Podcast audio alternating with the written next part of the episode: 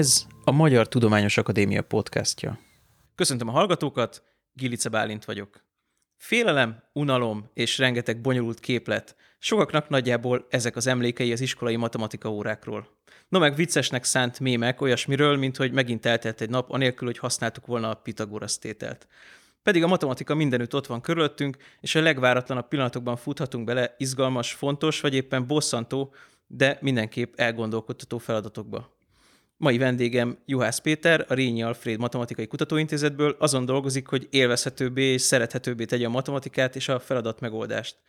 Hogy ez a kettő miben különbözik és miben hasonlít egymásra, talán az is kiderül majd a beszélgetés végére. Üdvözöllek, és köszönöm, hogy elfogadtad a meghívást. Én is köszönöm a meghívást, üdvözlöm a hallgatókat. És akkor rögtön vágjunk is bele a közepébe. Szerinted miért utálják ennyien a matekórákat? Hát ez egy viszonylag összetett kérdés, azt hiszem, de először is tényleg az van, hogy azt csomó mérés alátámasztja, hogy nagyon utálják az emberek a matematikát. Szóval az iskolában sok szempontból lehet ezt mérni, szóval ez nem egy nagyon exakt kérdés, de majdnem mindig a, a, akármilyen szempontból mérjük, a top háromban van sajnos. Ennek szerintem a legfőbb oka az, hogy nem izgalmas. Tehát, hogy ami történik a matematika órán, az egy átlag gyereknek semmilyen módon nem kapcsolódik az életéhez. Tehát valami olyasmi történik ott, amiről semmilyen módon nem érzi azt, hogy, hogy ez neki jó. A, a jó az nagyon sokféle módon jelenhetne meg. Megjelenhetne úgy, hogy jól érzi magát, megjelenhetne úgy, hogy vicces, megjelenhetne úgy, hogy azt gondolja, hogy ez majd a későbbi élete folyamán jó lesz, megjelenhetne úgy, hogy ez a mostani életében olyan értemben jó, hogy más dolgok, amik őt, őt érdeklik, azokat ezáltal jobban megérti. De valahogy a, a matematikórák jelentős többségében, vagy hát nincsenek jó felméréseim persze a világ matematika óráiról, de hogy a, a tapasztalat azt sugalja, hogy ezek a motivumok nagyon ritkán fordulnak elő. Tehát ülnek a matematika órán, történik valami, ami, tehát föltesz a tanár egy kérdést, amit nem ők, nem ők fogalmazták meg ezt a kérdést, nem is különösebben érdekes számukra. Sokszor ez olyan fajta abstrakciót tartalmaz, ami, ami teljesen kívül helyezi magát a kérdést az ő világukon, és utána a tanár elmagyarázza, hogy ezekre a kérdésekre hogy kell válaszolni, mi az a módszer, amit alkalmaznunk kell, és aztán jön egy rakás ilyen, ilyen szellemiségű típus feladat. Tehát nyilván mindenki, aki eljutott az érettségéhez, tudja, hogy mi az a másodfokú egyenlet, az egy jó kérdés, hogy kell nekünk másodfokú egyet az életben, erre majd később visszatérhetünk, de hogy a tanítás módja az, hogy akkor elmagyarázza a tanár, hogy a másodfokú egyenletet így kell megoldani, és utána jön 30 feladat, amiben a különböző esetekben ezt megoldjuk, és el, elgondolkozunk azon, hogy mi van, hogyha negatív szám van a gyökjel alatt, meg mi van, ha nem, mi van, hogyha össze vannak cserélve a, a, a szokásoshoz képest a, a polinomnak az elemei, tehát hogy nem x négyzettel kezdődik, és ezért zavarja jön valaki, hogy tulajdonképpen a képletben mi is az A. Tehát, hogy ilyen típusú kérdések vannak. És a gyerek szerintem azon gondolkozik magába, hogy hogy kerültem én ide? Miért, mi közön van nekem ehhez? Én egy olyan perspektívából nézem ezt az egészet, ezt most így a hallgatók akkor meg tudják rólam, hogy én a, szintén, ahol Péter is tanít, a Szent István gimnáziumban jártam speciális matematika tagozatra, és nekem Lackó László volt a tanárom, akire azóta is nagyon jó, jó szívvel emlékszem, és nagyon sok tanulságát hoztam el magamnak. És nekem teljesen alap, tehát én például most nem tudnám valószínűleg fejből fölírni a másodfokú egyenlet megoldó képletét, de hogyha nagyon szükségem lenne rá, akkor pillanatokat le tudnám vezetni. És hogy én ezért nem is gondolom, hogy ez egy fontos tudás, hogy mi a másodfokú egyenlet megoldó képlete, viszont az a trükk, ahogy ezt az ember levezeti, az a trükk az valószínűleg 80 éves koromban is ott lesz bennem, hogy hogy áll neki ennek az ember, és 80 éves koromban is remélhetőleg le fogom tudni vezetni. Rögtön az a kérdés, hogy amikor te mondod ezt a képletet, meg ilyesmi, milyen képed van arról, hogy azért ezt a levezetést megtanítják általában a gyerekeknek, vagy, vagy tényleg az van, hogy ez a, ez a megoldó képlet, és akkor dolgozzunk vele? Én azt hiszem, hogy a többség tényleg megtanítja, Aha. mert ez egy, nem egy olyan nagyon komplikált dolog, ahogy te is mondod, és hogyha van egy ilyen abstra, tehát az abstrakció építésében ez az algebrai manipulációk, azok, azok elég fontos szerepet játszanak a középiskolai, meg már az általános iskolai oktatásban is. Tehát ez a teljes négyzeti kiegészítés dolog, ez egy viszonylag központi motivum, és akkor, és akkor ez, ez szinte mindenkinek levezetődik. De amit te mondasz, az egy nagyon fontos szempont, hogy most, hogy tudom a képletet, vagy nem tudom, ez lényegtelen, mert aki sokat használja, az egyszerűen úgy is fogja tudni. Aki meg nem használja, annak meg ugye feltehetnénk a kérdést, hogy minek is, és sokkal inkább az az érdekes, amit mondasz, hogy a gondolat megvan-e a fejemben, hogy, hogy én ezzel, ha akarok, tudok kezdeni valamit. Ez a lényeg. Hiába tanítja meg a tanár azt, hogy mi van ennek a hátterében, már annak a lépései sem világosak. Tehát eleve maga az, az algebrai kifejezés, és az, hogy manipulálunk egy ilyen, esetleg egy ilyen kétszer-két tagból álló, vagy összeg, tehát egy, egy két tagú összegből álló szorzattal, ez már zavaros a gyerekek fejében. Tehát ugye rendszeresen van az, hogy egy A plusz B a négyzetent ugye tagonként emelünk négyzetre, mert az egészet nem értik igazából, hanem hát van valami formalizmus, tippeljük meg, hát ha ez bejön. Nem az van, hogy elgondolkozunk azon, hogy vajon ez mi lehet, mit is jelent, van-e valami, látok-e valami fizikai megvalósulását ennek, hogy tudnám elképzelni jobban, hanem, hanem teljesen az abstrakció szintjén maradunk, de ott meg nem értjük meg. Tehát megtanítják a levezetést, de, de ettől nem lesz sokkal jobb, mert az egész probléma továbbra is idegen marad. Hogyha most azt nézzük, hogy mondjuk a frontális oktatást tekintjük így a, a legelterjedtebb módszernek, ami vélhetően tényleg erről van szó, tehát hogy a tanár kiáll a táblához, elmond egy problémát, esetleg, sőt, esetleg inkább elmond definíciót, majd néhány hasznos tudnivalót, mondjuk például az, hogy hogy kell megoldani másodfokú egyenletet, ezt levezeti, akkor te valahogy gyerekként nem, nem éled át azt, hogy ezt meg akarod érteni, mert nem világos, hogy miért érdekes az egész. Az van esetleg a fejedben, hogy jó, majd dolgozatban tudni kell, de az, hogy, az, hogy neke, nekem ez tényleg jól jön, és akár még csak az első szintjén, tehát csak azon a szinten, hogy hasznom lesz belőle az életem során, már az se jelenik meg. Az, hogy ez izgalmas, érdekes, az végképp nem jelenik meg. Tehát szerintem ott veszítjük el a, a gyerekeket alapvetően, hogy ez nem alakul ki, hogy ez, hogy ez izgalmas. Tehát, hogy amíg azt gondolom, hogy mondjuk nem tudom én, a biológiánál az a helyzet, hogyha van egy jó tanár, akkor még akkor is, hogyha frontálisan csinálja a dolgot, akkor is nagyon sok izgalmas dologról lehet mesélni, amik tényleg a tananyag részei. Tehát az, hogy nem tudom, szóval, hogy, hogy a, a gepárdok hogy vadásznak, az egy, az, az egy izgalmas dolog általában egy megfelelő korosztályú gyereknek. Az, hogy hogy kell két törtet összeadni, ha, ha ezt tényleg ilyen nagyon frontálisan közvetítjük, akkor ez nem érdekes egy ötödikes gyereknek, és nem is megy nekik, mert, mert nem kötődik hozzá semmilyen fizikai élmény, hanem az van, hogy a tanár elmagyaráz egy szabályt, és akkor ő ezt próbálja alkalmazni. De, de valahogy teljesen a, a, a saját boldogságától távol van ez.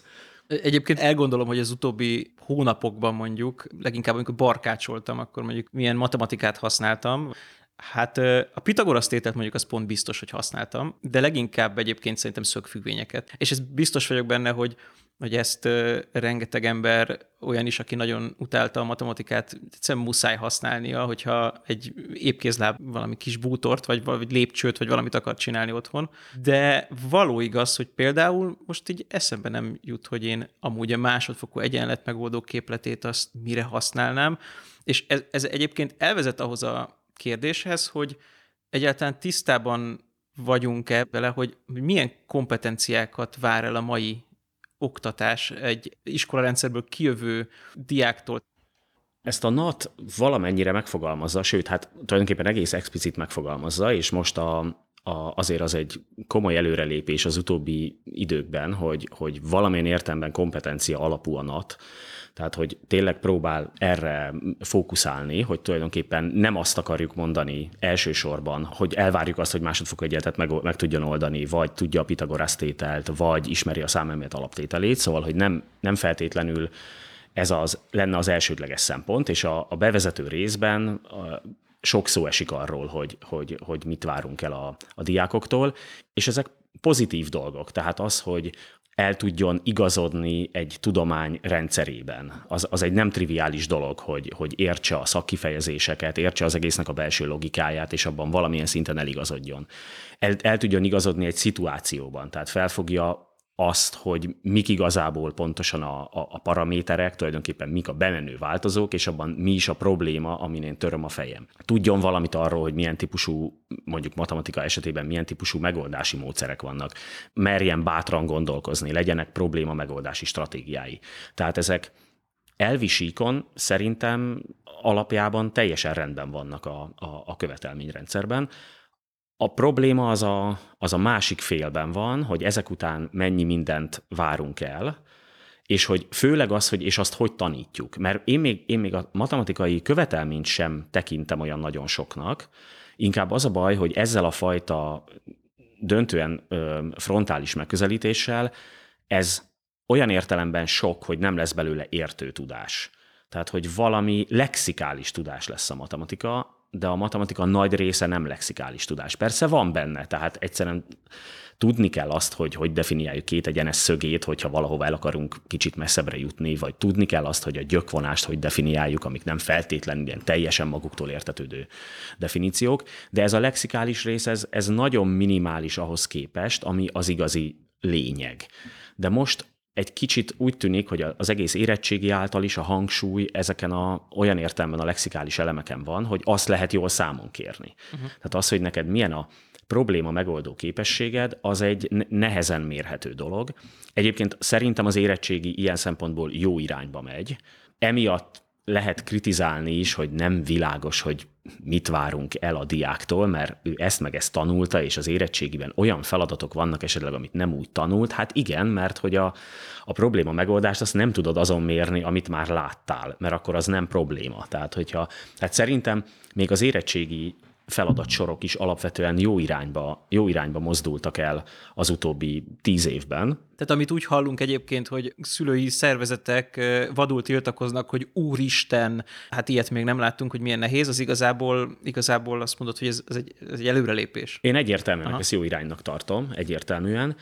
Na most itt, itt két dolog van, tehát az nem arról van szó, hogy azt gondolom, hogy a szülőknek nincs igazuk. Ha konkrétan azt mondják, hogy ne legyenek az érettségben ilyen feladatok, akkor, a, akkor nem értek velük egyet. De hogyha azt mondják, hogy nem készíti fel a diákokat az iskola erre az érettségire, akkor részben egyetértek. És nem azért, mert nem gyakoroltak olyan típus feladatokat, hanem már az egész iskolában ritkán kerül elő ez a motivum, hogy van egy nyitott probléma, és azon a nem mondták meg, hogy én mit csináljak, hanem magamra vagyok hagyva, vagy a társamra, vagy hármas csoportban dolgozunk valamin, és nem mutatta meg senki előre, hogy mit csinálunk, próbáljuk kitalálni. Ez nagyon ritkán bukkan fel ez a szituáció, és olyan értelemben lehet igazuk a szülőknek, hogyha úgy érzik, hogy az iskola nem készítette föl erre a típusú hozzáállásra a gyereket, akkor az érettségin, ha ilyen helyzetbe hozzuk, akkor az nem feltétlenül korrekt. Uh-huh de maga az, hogy ez a követelmény, az szerintem abszolút 21. századi, tehát a, a, a diákoknak az, hogy stabilan ki tudják számolni egy másodfok egy gyökeit, ez egy szükségtelen dolog ebben a formában.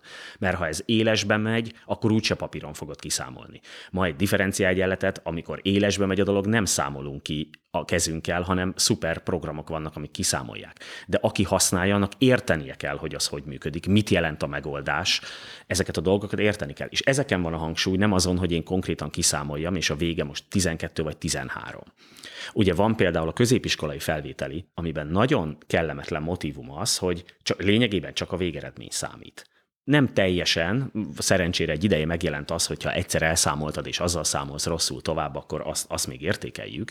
De hogy egy csomó összetettebb feladat van, aminek egy szám a végeredménye, és egy pont jár rá, és vagy azt a számot írtad, vagy nem. És ennél a matematika azért sokkal-sokkal finomabb dolog.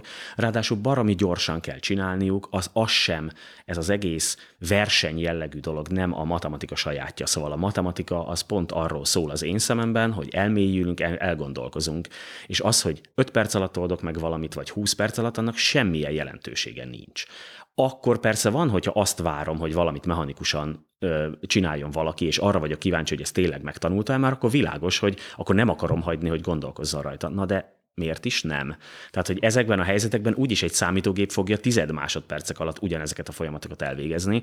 Tehát a, amikor mi kellünk emberek majd az adott helyzetben, akkor úgysem ezek a sablonos dolgok kellenek. Épp azok kellenek, amik nem sablonosak. Tehát valahogy arra kellene fölkészítenünk a diákokat, hogy tudjanak ezek nélkül a sablonok nélkül dolgozni. Valamilyen szinten a sablonokra is szükség van. Tehát egy csomószor az derül ki, hogy ha átlátod a helyzetet, akkor azt mondod, hogy jó, ez egyszerű, hiszen én már láttam ilyet. De az, hogy csak arról szól a dolog, hogy alkalmazom a sablont, én annak nem sok, nem sok értelmét látom. Van ezzel kapcsolatban egy olyan probléma is. Én próbáltam megoldani, azt hiszem, hogy hatodikosoknak, illetve nyolcadikosoknak szánt gimnáziumi felvételt, felvételit, és volt benne egy pár pont hibám. Egyszerűen azért, mert, mert figyelmetlen voltam, elnéztem valamit, és volt olyan olyanban is részem, hogy egy kollégám megkért arra, hogy a lányának magyarázzak el egy pár ilyen trükköt, hogy hogyan lehet ezeket a feladatokat régi feladatsorok alapján jól megcsinálni, és valahogy az a kép alakult ki, így más gyerekes szülők elmondás alapján is, hogy egy elképesztő ilyen ipar alakult ki arra, hogy a trükkös feladatok megoldásának a trükkjeit is megtanulják, tehát hogy gyakorlatilag a kreativitást így mechanizálják, és hogy lényegében még ha jó szándékú is lenne a, feladat kijelölés, akkor is erre rá lehet tanulni, és hogyha ugye ilyen rangsorok vannak, akkor a végén úgyis azok fognak nyerni, akik, vagy azoknak bejutni a legjobb helyekre, akiknek volt arra idejük, pénzük, hogy fölfogadjanak egy nagyon jó matek tanárt, aki, aki az összes kis trükköt elmagyarázza, és azt mondja, hogy itt erre kell vigyázni. Nem tudom, hogy erre van-e megoldás, vagy, vagy látsz-e valamit? Tehát egyrészt egyetértek azzal, ahogy leírod a helyzetet, szóval én is úgy gondolom, hogy sajnos nagyon sokat számít az, hogy, hogy milyen szülői háttérrel jön egy gyerek, mennyire gondolja a szülő azt, hogy Hát elsősorban az, hogy fontos, hogy a gyerek jó iskolába járjon, tehát ez az első lépés. A második az, hogy ezek után belássa azt, hogy ez a felvételi nem annyira a gyerekei képességét ítéli meg, hanem valami, valami ilyesmit mér, hogy mennyire treníroztuk őt konkrétan erre a szituációra. Én nagyon igazságtalannak tartom még abból a szempontból is, hogy nagyon mások a gyerekek abból a szempontból, hogy ezt a nyomást, hogy neki 45 perc alatt nagyon kell pörögnie, ezt hogy élik meg. Vannak a nagyon szerencsétlen ö, versenyzők ilyen szempontból, akiket agyonnyom ez a teher, és harmad annyit csinálnak, mint hogyha a szombat délután így odavetném elő, hogy mit szólnál, ha ezt megnéznéd, gondolkozz ezeken a feladatokon, és van, aki meg nagyon jó versenyző, és másfélszer annyit hoz ki belőle, mint ami egy ilyen, hát Nyilván nem, ami benne van, mert persze az benne van, ami kijön, de hogy, de hogy éppen, hogy nagyon pozitívan hat rá ez a helyzet. És igazából ez sem annyira lényeges, mert amikor egy nyugodt munkahelyen majd 20 év múlva dolgoznak, akkor nem annyira lesz ez a fajta nyomás rajtuk. Nagyon ritkán fognak olyan helyzetbe kerülni, vagy nagyon kevés olyan munkahely van, ahol valamit így 45 perc alatt kell pörgősen megcsinálniuk. Tehát, hogy valami olyasmit kérünk tőlük, ami, ami igazából nem annyira fontos szempont. Hát, hogy hogyan lehet ezen segíteni? Hát nagyon nehéz. Egyrészt ha betennénk olyan feladatokat, amik a kreativitásra felkészült gyerekeket is nehézség elé állítja, akkor még erősebb lenne az a felháborodás, hogy hát olyan feladatok voltak, amiket nem tanultak az iskolában. Tehát ugye egyrészt magukról a, a szülőktől jön az az igény, hogy hát olyasmi legyen, amit tanultak az iskolában, tehát kb. legyen valami sablonos dolog és akkor tulajdonképpen csak ez a mechanikus lehet egyrészt. A másik az, ami bennem, amit én mai napig nem igazán értek, hogy miért van ez a kétszer 45 perces korlát. Ugye a matematika és a magyar felvétel is 45 perc van. Baromi kevés idő. Én azt képzelem, hogy aki komolyan azt gondolja, hogy szeretne valami jó helyen tovább tanulni, és ezért hajlandó felvételizni, az simán rászánna két hétvégét, és lehetne mondjuk kétszer másfél óra, egyik hétvégén a magyar, másik hétvégén a matek, és lehetne másfél óra, lehetne nyugodtabb az egész, lehetnének tényleg esetleg az elején még könnyebb feladatok, mert beleférne az időbe, hogy kapjanak egy ilyen biztonságérzést a, a mindenki. Tehát én, én azt támogatom az ilyen helyzetekben, hogy legyen egy első, második, esetleg második feladat, amit lényegében mindenki megcsinál, és így megnyugszik, és, abban, és akkor egy ilyen, egy olyan alaphelyzetben van, ami tényleg őt méri. Mert amikor rögtön az első feladat viszonylag nehéz, és a kevésbé szerencsés versenyzők nagyon gyorsan egy falba ütköznek, rögtön letörik, és, és, és elmegy a kedve az egésztől. Tehát, hogy legyen erre idő. És legyen idő arra a végén, hogy legyenek tényleg nehéz feladatok, amikkel különbséget lehet tenni. És azt nagyon komolyan kellene kommunikálni, és én ezt nagyon komoly hiányosságnak érzem, hogy a felvételi az nem egy dolgozat. Nem akkor írta meg a gyerek jól, hogyha 90%-ot elért. Tehát, hogy van egy ilyen hogy van egy felvételi 50 pont mondjuk matekból a maximum, és a gyerek 32-t ír, akkor teljesen kétségbe vannak esve, hogy milyen rossz lett. Miközben az ugye igazából attól függ, hogy a többiek mit írtak, de hogy önmagában az, hogy 32, az semmit nem mond. Ezt mindenkinek értenie kéne, hogy akkor jó egy felvételi, ha elég nagy a szórása. Az átlag nagyjából mindegy. Persze nem szerencsés, ha 12 pont az átlag, és csupa ilyen kudarcos gyerek jön ki a végén, mert hogy a legjobbak is csak 30 pontot értek el, akkor világos, hogy ott valamit elszúrtunk. De az, hogy az, hogy kevés 50 pontos van, és az átlag 35, én abban semmilyen gondot nem látok, mert hát valahogy különbséget kell tenni. Ugye egyébként mi alapján fogunk különbséget tenni, ha mindenki 45 pont fölött írt? Az, hogy történelemből hanyast kapott negyedik osztályban. Igen. Aha. És az tényleg egy jobb szempont. Szóval nem világos, hogy ráadásul ugye az iskolák még sokkal különbözőbbek, ez legalább egy központi felvételi. Ilyen értelemben legalább tényleg mindenki ugyanazért a feladat elé volt állítva. Még a történelm négyes az egyik helyen, az lehet, hogy a másik helyen az vidáman nyilván ötös lenne. Igen. Tehát, hogy Tehát itt E- lényegében... Ez nagyon lényeges lenne kommunikálni, hogy nem szabad azt várni, hogy, hogy ez nem egy iskolai dolgozat tényleg, ahol, ahol az kell, hogy három pontot vesztettél, akkor már nem készültél fel rendesen. Itt nehéz feladatok vannak, és a populációhoz kell magadat mérned, tehát neked van egy elképzelésed, hogy ha te az felső 20%-ba vagy, és ehhez képest az felső 10-be kerültél, akkor örülsz, ha meg a felső 30 alján vagy, akkor meg egy kicsit el vagy keseredve. Tehát, hogy szerintem ezt így kellene értékelni, feltéve, hogy az emberek nagy része tudna egy ilyen diagramot, mondjuk amikor kijön a végeredmény, a statisztika, azt úgy jól tudna értékelni. Ez is feladata lenne a matematika oktatásnak. Nagyon sok baj van azzal, hogy ilyen grafikonokat, statisztikákat nem értenek jól az emberek, nagyon könnyen át lehet verni őket azzal, hogy a nullát nem oda tesszük, ahol, vagy azt hisszük, hogy az a nulla, és az arányokat úgy lehet beállítani, hogy nagyon becsapja az embert az, hogy azt látja, hogy az egyik sokkal nagyobb, de közben a különbség az valójában kicsi, csak ez föl van nagyítva. Tehát egy csomó ilyen problémánk van, amit nem tanulunk meg matematika órán, és akkor ezáltal ezek a helyzetek is sokkal nehezebben kezelhetők, mert nem is értik eset, a többség nem is érti, hogy mi az a szórás, mire való lenne, és akkor nehéz elmagyarázni, hogy hát attól jó, hogyha minél jobban különbséget tesz a, különbséget tesz a gyerekek között ez a, ez, a, ez a vizsga.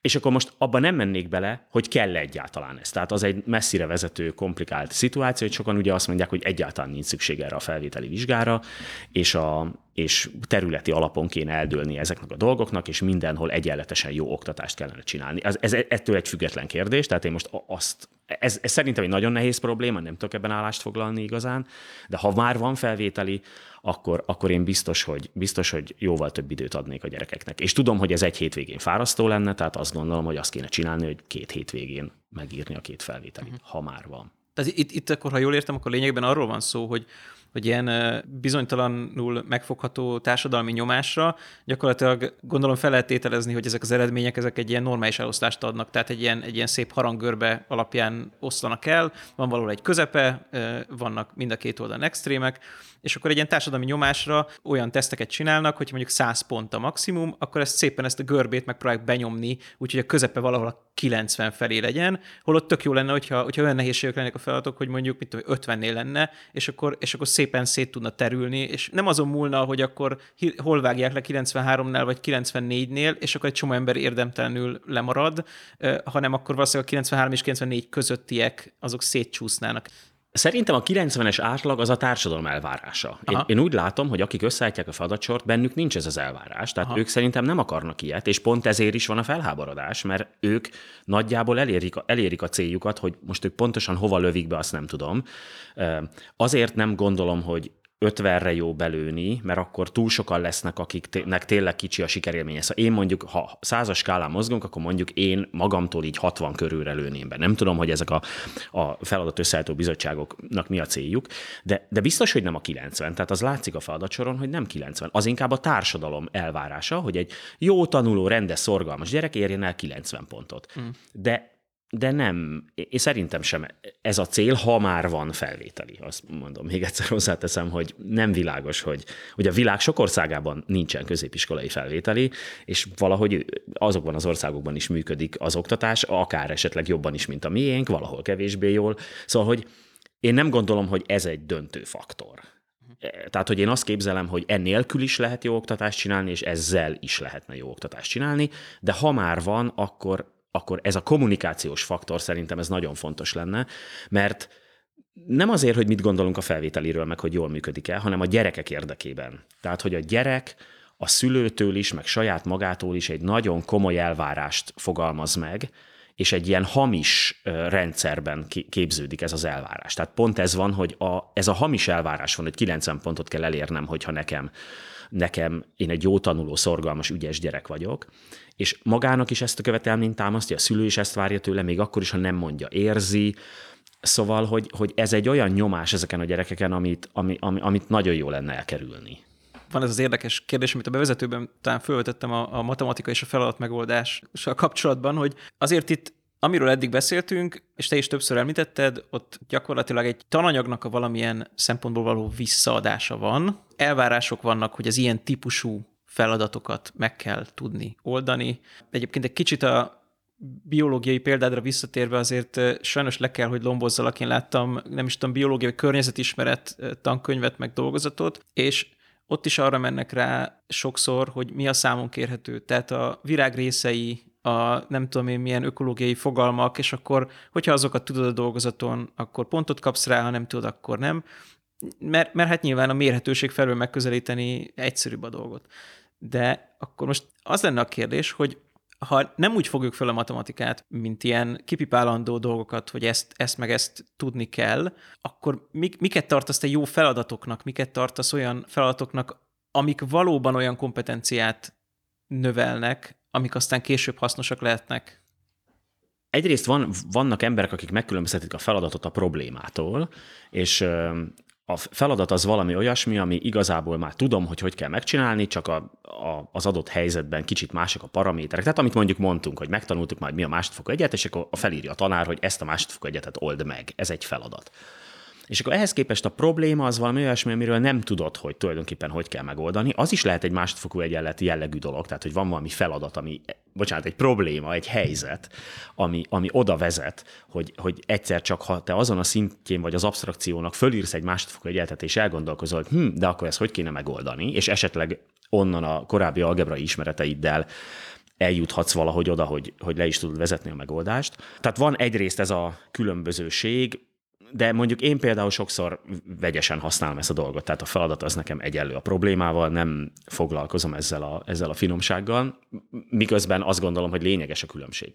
És igyekszem a gyerekeknek minél több ilyen értelmemet problémát adni. Szükség van valamennyi feladatra, és a, a, ha, ha nincs feladat, akkor hiányzik egy olyan fajta rutin, ami kell a probléma megoldáshoz. Tehát nem arról van szó, hogy itt az egyik legyőzi a másikat, hanem a jó egyensúlyt kell megtalálni. Ha csak feladat van, akkor unalmas a dolog. Ha csak probléma van, akkor nem leszek képes megoldani a problémákat a, a, a gyakorlat hiányában.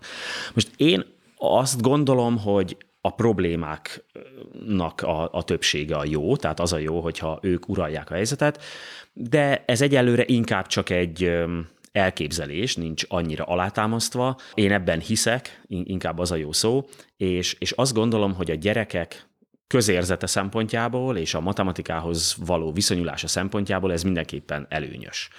Tehát az, hogy ők úgy érzik, hogy alkotó részesei ennek a dolognak, ők képesek erre rájönni, és nem betanított munkások, hanem, hanem ők kvázi kutatók, az egy sokkal felemelőbb helyzet, mint ez a betanított munkás jellegű dolog, hogy hát megmutatták, én meg mechanikusan megcsinálom, és na, milyen jó, hogy kijött ugyanaz, mint a tanárnak. Ehhez képest én be vagyok vonva ebbe a dologba. Ha még olyan a, a, a dolog, hogy érdekes a probléma, mert vagy esetleg a való életet valahogy megközelíti, vagy egyszerűen csak vicces, olyan mese van körülötte, amitől szórakoztató lesz nagyon nem elhanyagolható a mese szerepe. Én tanítottam egyetemen is viszonylag sokat, és, és nagyon meglepő volt, hogy első másodéves egyetemistákkal eleinte az első egy-két órában még mondtam mesét, és aztán a, a feladatoknak volt sztoria, és aztán mondtam, hogy hát matematikus hallgatók vagytok, hát így most már ugye az abstrakció megfelelő szintjén, és reklamáltak, hogy hogy, hogy, hogy, hogy, hát jöjjön a mese, hát nehogy már. Tehát, hogy ez nagyon hozzátartozik ahhoz, hogy ez egy élhetőbb dolog legyen, és sokszor azt gondoljuk, hogy nincs erre idő, mert fölírni egy, fölírni egy nem tudom, egy egyenletet, hogy old meg ezt, az, az, az, egy, az e, egy fél perc, még egy jó sztorit mondani hozzá, amitől majd te felírod az egyenletet és megoldod, az lehet, hogy három, de nagyon megéri. És, és nem csak amiatt, hogy az lényeg igazából az, hogy, hogy a matematikának szerintem ma azt kell megtanítani, hogy egy sztoriból hogy írsz föl egyenletet, és nem azt, hogy az egyenletet hogy kell megoldani.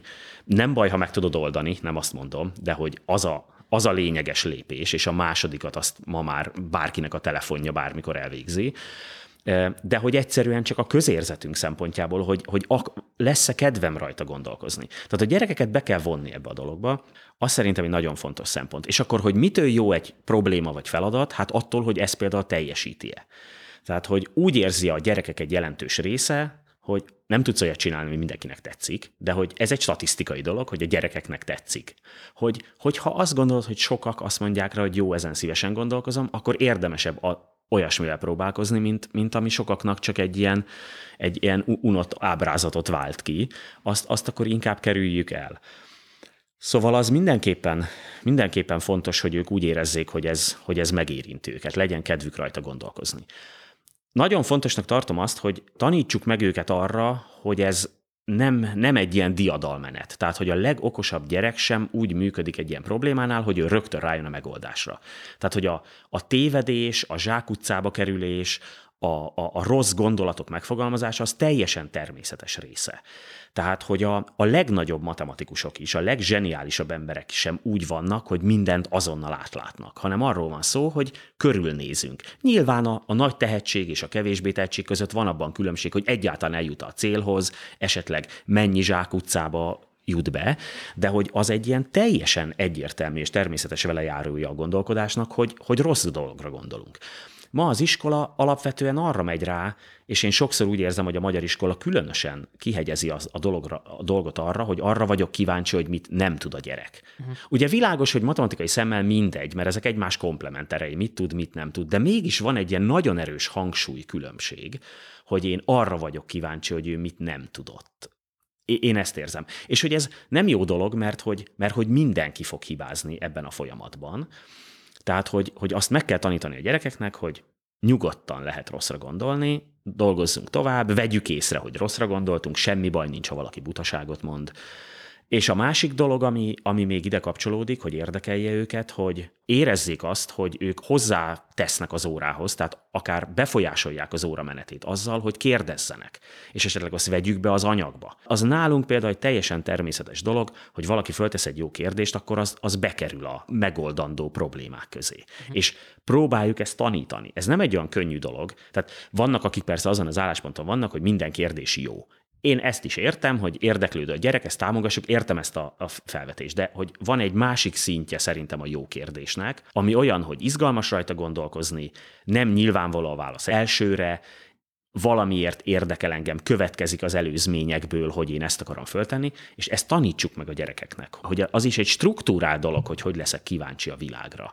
Szóval, hogy, hogy az nem egy jó kérdés, hogy hogy működik a matematika, hanem hogy ennél valahogy jobban célzottabban kell kérdezni bizonyos dolgokat. Tehát ez is, egy, ez is egy lényeges rész, hogy adjunk nekik lehetőséget arra, hogy ők maguk gyártsanak feladatot vagy problémát. És ez hol kezd olyan értelemben elromlani ez a dolog, hogy amikor a gyerekek már eleve úgy állnak hozzá a matekórákhoz, hogy ott, ott érdekes dolog nem annyira fog történni, és hogy már maga az a téma, amivel foglalkoznak, abban sem keres érdekes dolgot. Hát itt most olyan területre evezünk, amihez kevés értek, mert én azt látom, hogy az alsó tagozatban, nagyon nagy százalékban az alsó tagozatban elromlik ez a dolog. Erre viszonylag sok kutatás volt, hogy, hogy tényleg ez történik, de az alsó tagozathoz én olyan értelme nem értek, hogy nem tudom, hogy egész pontosan mi a probléma. Tehát azt, azt tudom, hogy, hogy sok mechanikus dolog van, sok minden olyan dolog van, amit nem értenek tisztán. Eleve a számfogalom sok embernél nem alakul ki elég jól kezdetben. Sokszor az is van, hogy a, az alsós tanítók és tanítónők általában inkább valahogy a, a humán oldaluk miatt kerülnek ebbe a helyzetbe. Tehát szeretnek mesélni, tehát valahogy a, a most tudomány értelemben a, a humán oldalnak inkább az elkötelezett hívei, és a, a matematika az persze az alsós matematikát mint tudást uralják, de, de esetleg már az átadásban benne van az, hogy hát legyünk ezen túl, ez is része a dolognak, szóval valahogy nem, nem a lelkük, lelkük mélyéről jön. Nekem a, a kisebbik fiamnak a tanítónőjénél pont nem ez volt a helyzet, és nagyon látszik ez, hogy ő, tehát a humán oldal is nagyon jó volt, egy szuper tanítónője volt, és a humán oldal is nagyon jó volt, de, de a, ez a reál oldal is ö, szuper volt, és nagyon látszik is a gyerekeken, vagy hogy, szóval, hogy látszik, hogy vagy több olyan gyerek van az osztályban, aki, aki nem vesztette el az érdeklődését. Tehát, hogy ez, ezek biztos, hogy fontos szempontok, de ez egy ilyen világjelenség, tehát hogy valahogy, valahogy nincs ez igazán jól, jól egyelőre kitalálva, hogy, hogy hogy marad meg az embereknek az érdeklődése a matematika iránt. Úgyhogy ez, ez mindenképpen egy nagyon fontos feladat, és olyan értelemben, ugye mondtad, hogy én azzal foglalkozom, hogy, hogy valahogy élhetőbb, meg szerethetőbb legyen a matematika, de hogy olyan értelemben nem jó helyen kezdtem el, hogy, hogy ezt alsó tagozaton kéne. De én az alsó tagozatos gyerekekhez nem értek, sose foglalkoztam velük. Tehát én, én egy fölsőbb vagy egy későbbi életkorban kezdem ezt el, és addigra elég sok embert elvesztünk. Többször kerültem már abba a helyzetbe, hogy jön egy osztály, hetedikes vagy kilencedikes korában kerülnek a kezeim közé, és hogy nagyon hosszú küzdelem az elején az, amíg egyáltalán elfogadják azt, hogy én fölírok feladatokat a táblára, amikről nem tudják, hogy hogy kell megoldani hanem azt mondom nekik, hogy tessék, ezeken kéne gondolkozni, próbáljatok kezdeni vele valamit. És, és láthatóan ez egy hosszú ideig megy közöttünk ez az idézőjeles harc, hogy én próbálom őket erre rávenni, ők meg azt mondják, hogy de hát ezt nem tanultuk. Uh-huh. És mondom, hogy nem baj, de te rá tudsz jönni. Eleve nem is hiszik el egy darabig, az önbecsülésük sincs teljesen a helyén ez ügyben, tehát hogy nem bízik abban, hogy ő meg tudja oldani, és ha netán bízik is, akkor is valahogy az eddigi hozzáállása a matematikához az nem, nem ad neki elég eszköztárat ahhoz, hogy elkezdje az egész világ is abba az irányba megy, hogy hogyha valamit két perc alatt valamire nem kapok választ, vagy nem tudom megoldani, akkor azt mondom, hogy akkor vagy föladom, vagy tessék, kérem. Tehát, hogy az egész világ ilyen nagyon gyors, nagyon rövid válaszidőkkel megy, mindenféle dolog így történik. Tehát ilyen értelemben felgyorsult a világ, és ez nem kedvez annak, hogy a matematikával foglalkozzanak a gyerekek, mert az igényelne egy elmélyülést. Azt képzelem persze, hogy a többi, többi tantárgy is, szóval nem gondolom, hogy a matematika kiemelkedik, de, de itt nagyon, én nagyon jól látom, hogy az a hit, hogy én még negyed óra alatt se jöttem rá, de a következő negyed órában esetleg rájöhetek, ez lényegében nem létezik. Már, már az, hogy valaki negyed órát gondolkozik egy feladaton, már az is nagyon ritka. Én, amikor középiskás voltam, a 90-es évek elején, én, én nagyon nagyon kellemes emlékeim vannak arról, amikor hetedikig gondolkoztam egy feladaton, és hogy ebben semmi furcsát nem találtam. De mi, milyen suliba jártál? Én a Berzsenyi Specmatra jártam, Aha és, és hát volt olyan év, amikor heti tíz matekóránk volt, és én persze ezt imádtam, és hogy akkor ez nekem természetes volt. Nem volt mindenkinek, szóval nem azt mondom, hogy most az eltelt 30 év az ennyire megváltoztatta a világot, szóval ma is vannak olyan gyerekek, akiket nagyon jól lehet, nagyon be lehet erre, hát nem azt mondom, hogy hülyíteni, de szóval föl lehet lobbantani ezt a lángot, uh-huh de, de hogy az átlagos ö, hozzáállás az ilyen, idő, ilyen értelemben lecsökkent. Az hogy, az, hogy én hajlandó legyek valamibe úgy, úgy több energiát fektetni, anélkül, hogy lenne valami egyértelmű visszajelzés, hogy most ez sikerült. Tehát ez a, ez a fajta elmélyülés, az, az, szerintem, az szerintem csökken.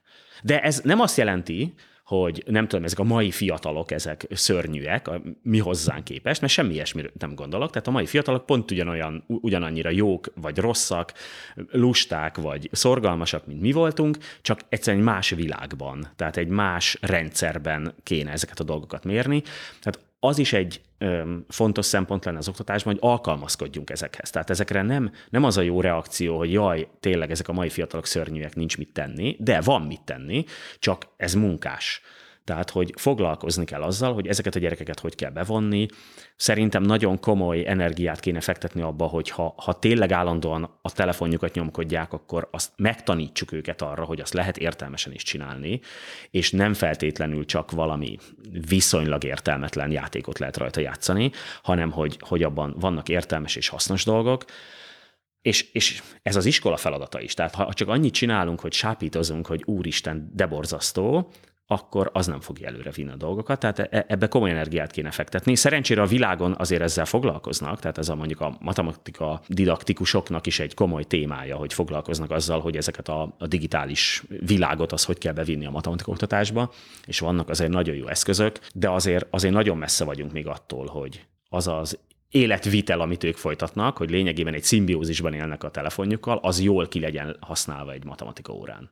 Én nekem az jutott eszembe, még, még visszatérve a problémáknak a, a gyökeréhez, hogy hát ilyen szempontból én nyilván egy nagyon speciális képzést kaptam, tehát specmat, meg utána én, én, én matematikus szakra is jártam, de hogy, de hogy én azt veszem észre magamon, hogy problémák, amiknek semmi hasznuk nincs egyébként, és nincs is mondjuk közel ahhoz, amit, amit mondjuk tanultam, akár matematikus szakon, vagy akárhol, azok úgy tudnak érdekelni. Tehát olyan értelemben, hogy, hogy például, mit tudom, egyszer végig számoltam azt, hogy hogyha egy 10 méter magas víztoronyban szeretnénk vízzel tárolva, tehát vízben tárolni a helyzeti energiában az energiát, akkor, akkor mit tudom, ez hány villanykörte égetéshez, és meglepő számokat kap az ember, és meglepő tanulságokat kap egyébként ezzel az ember, hogy akkor, akkor most mit is jelent mondjuk az emberi fizikai munka ahhoz képest, amit gépekkel csinálunk, stb. stb.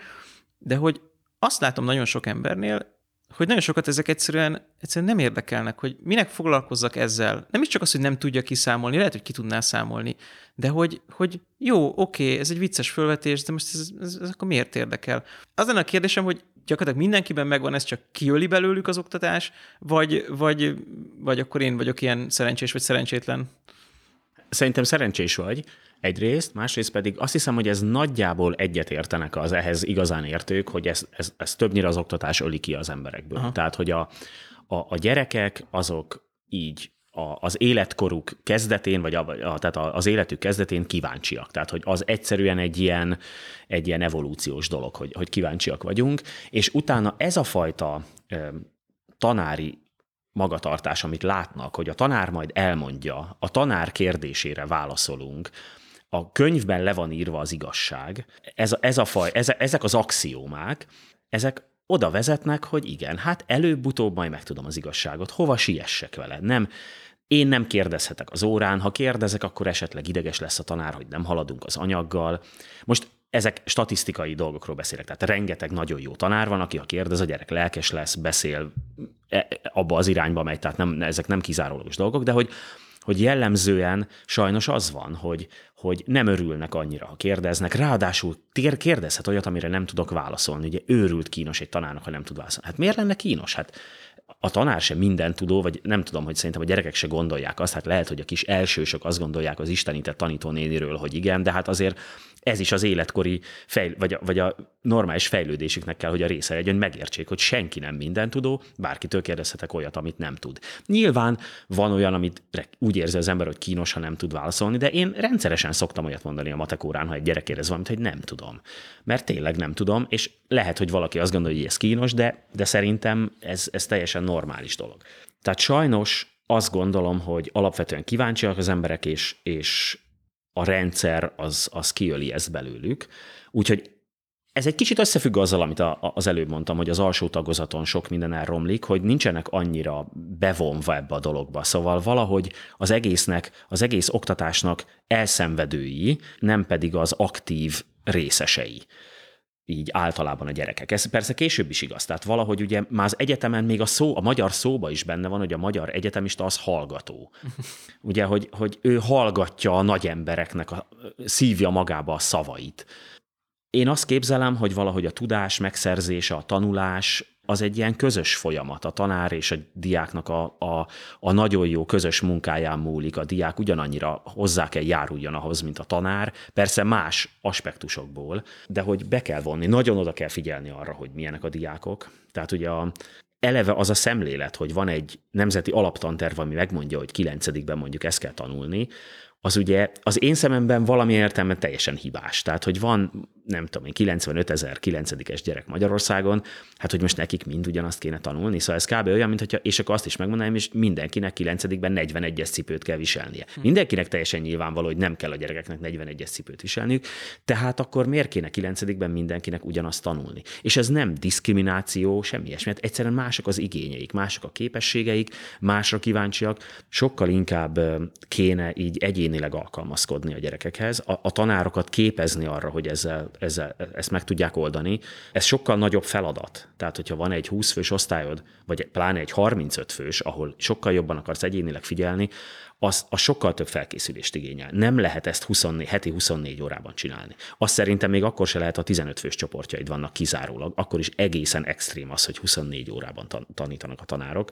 Ezek a dolgok mind abba az irányba vezetnek, hogy ilyen uniformizált lesz a dolog, egy, ja, és ami még nagyon fontos, hogy nagyon meghatározza az egész oktatási szemléletet, hogy számon akarjuk kérni, le akarjuk mérni. Az érettség ott van a végén, arra meg kell tanítanom hatodik haszakat, hogy mi az a logaritmus hiába érzed azt az osztályon, hogy ennek a társaságnak sose fog kelleni, és van egy másik osztály, akiknek meg a kétharmada mérnök lesz, és nagyon alapvető dolog lesz neki, hogy tisztában legyen a logaritmussal, te neked valamilyen értelemben nagyjából ugyanazt kell csinálnod. Persze megint az van, hogy a jó tanár, az persze tud ebben a közegben azért, azért mozogni, de, de azért nagyon meg van nehezítve a dolguk. Igen, még visszatérve az alsó tagozatra, ugyan mondtad, hogy nem értesz ez annyira, de nekem van egy ilyen, ilyen hát egy olyan veszőparipám, amit így mindenkinek föl szoktam vetni, aki, aki bármilyen szinten is foglalkozik oktatással, és most is elém került, hogy ez még mindig létezik a tananyagban, ez az osztás és a benfoglalás. Amit nagyjából sikerült mostanra megértenem, hogy miről van szó, de amikor tanították, akkor ez egy, ez egy rémisztő dolog volt, mert nem láttam semmi értelmét, tudtam addigra osztani. Hogyha jól értem, akkor ott kitaláltak egy olyan fogalmat, hogy a, nem tudom én, kosarakba rakunk almákat, és akkor az egyik az a kosarak száma, a másik a kosárba levő almák száma, és ez valamiért jó, de hogy nekem ez nagyon úgy tűnik, hogy mint, mintha egy farkánál fogták volna meg a dolgot, tehát hogy a didaktikailag ez tök jól néz ki, hogy kosarak meg almák, de utána viszont az osztás egyszerűen nem így működik a végén.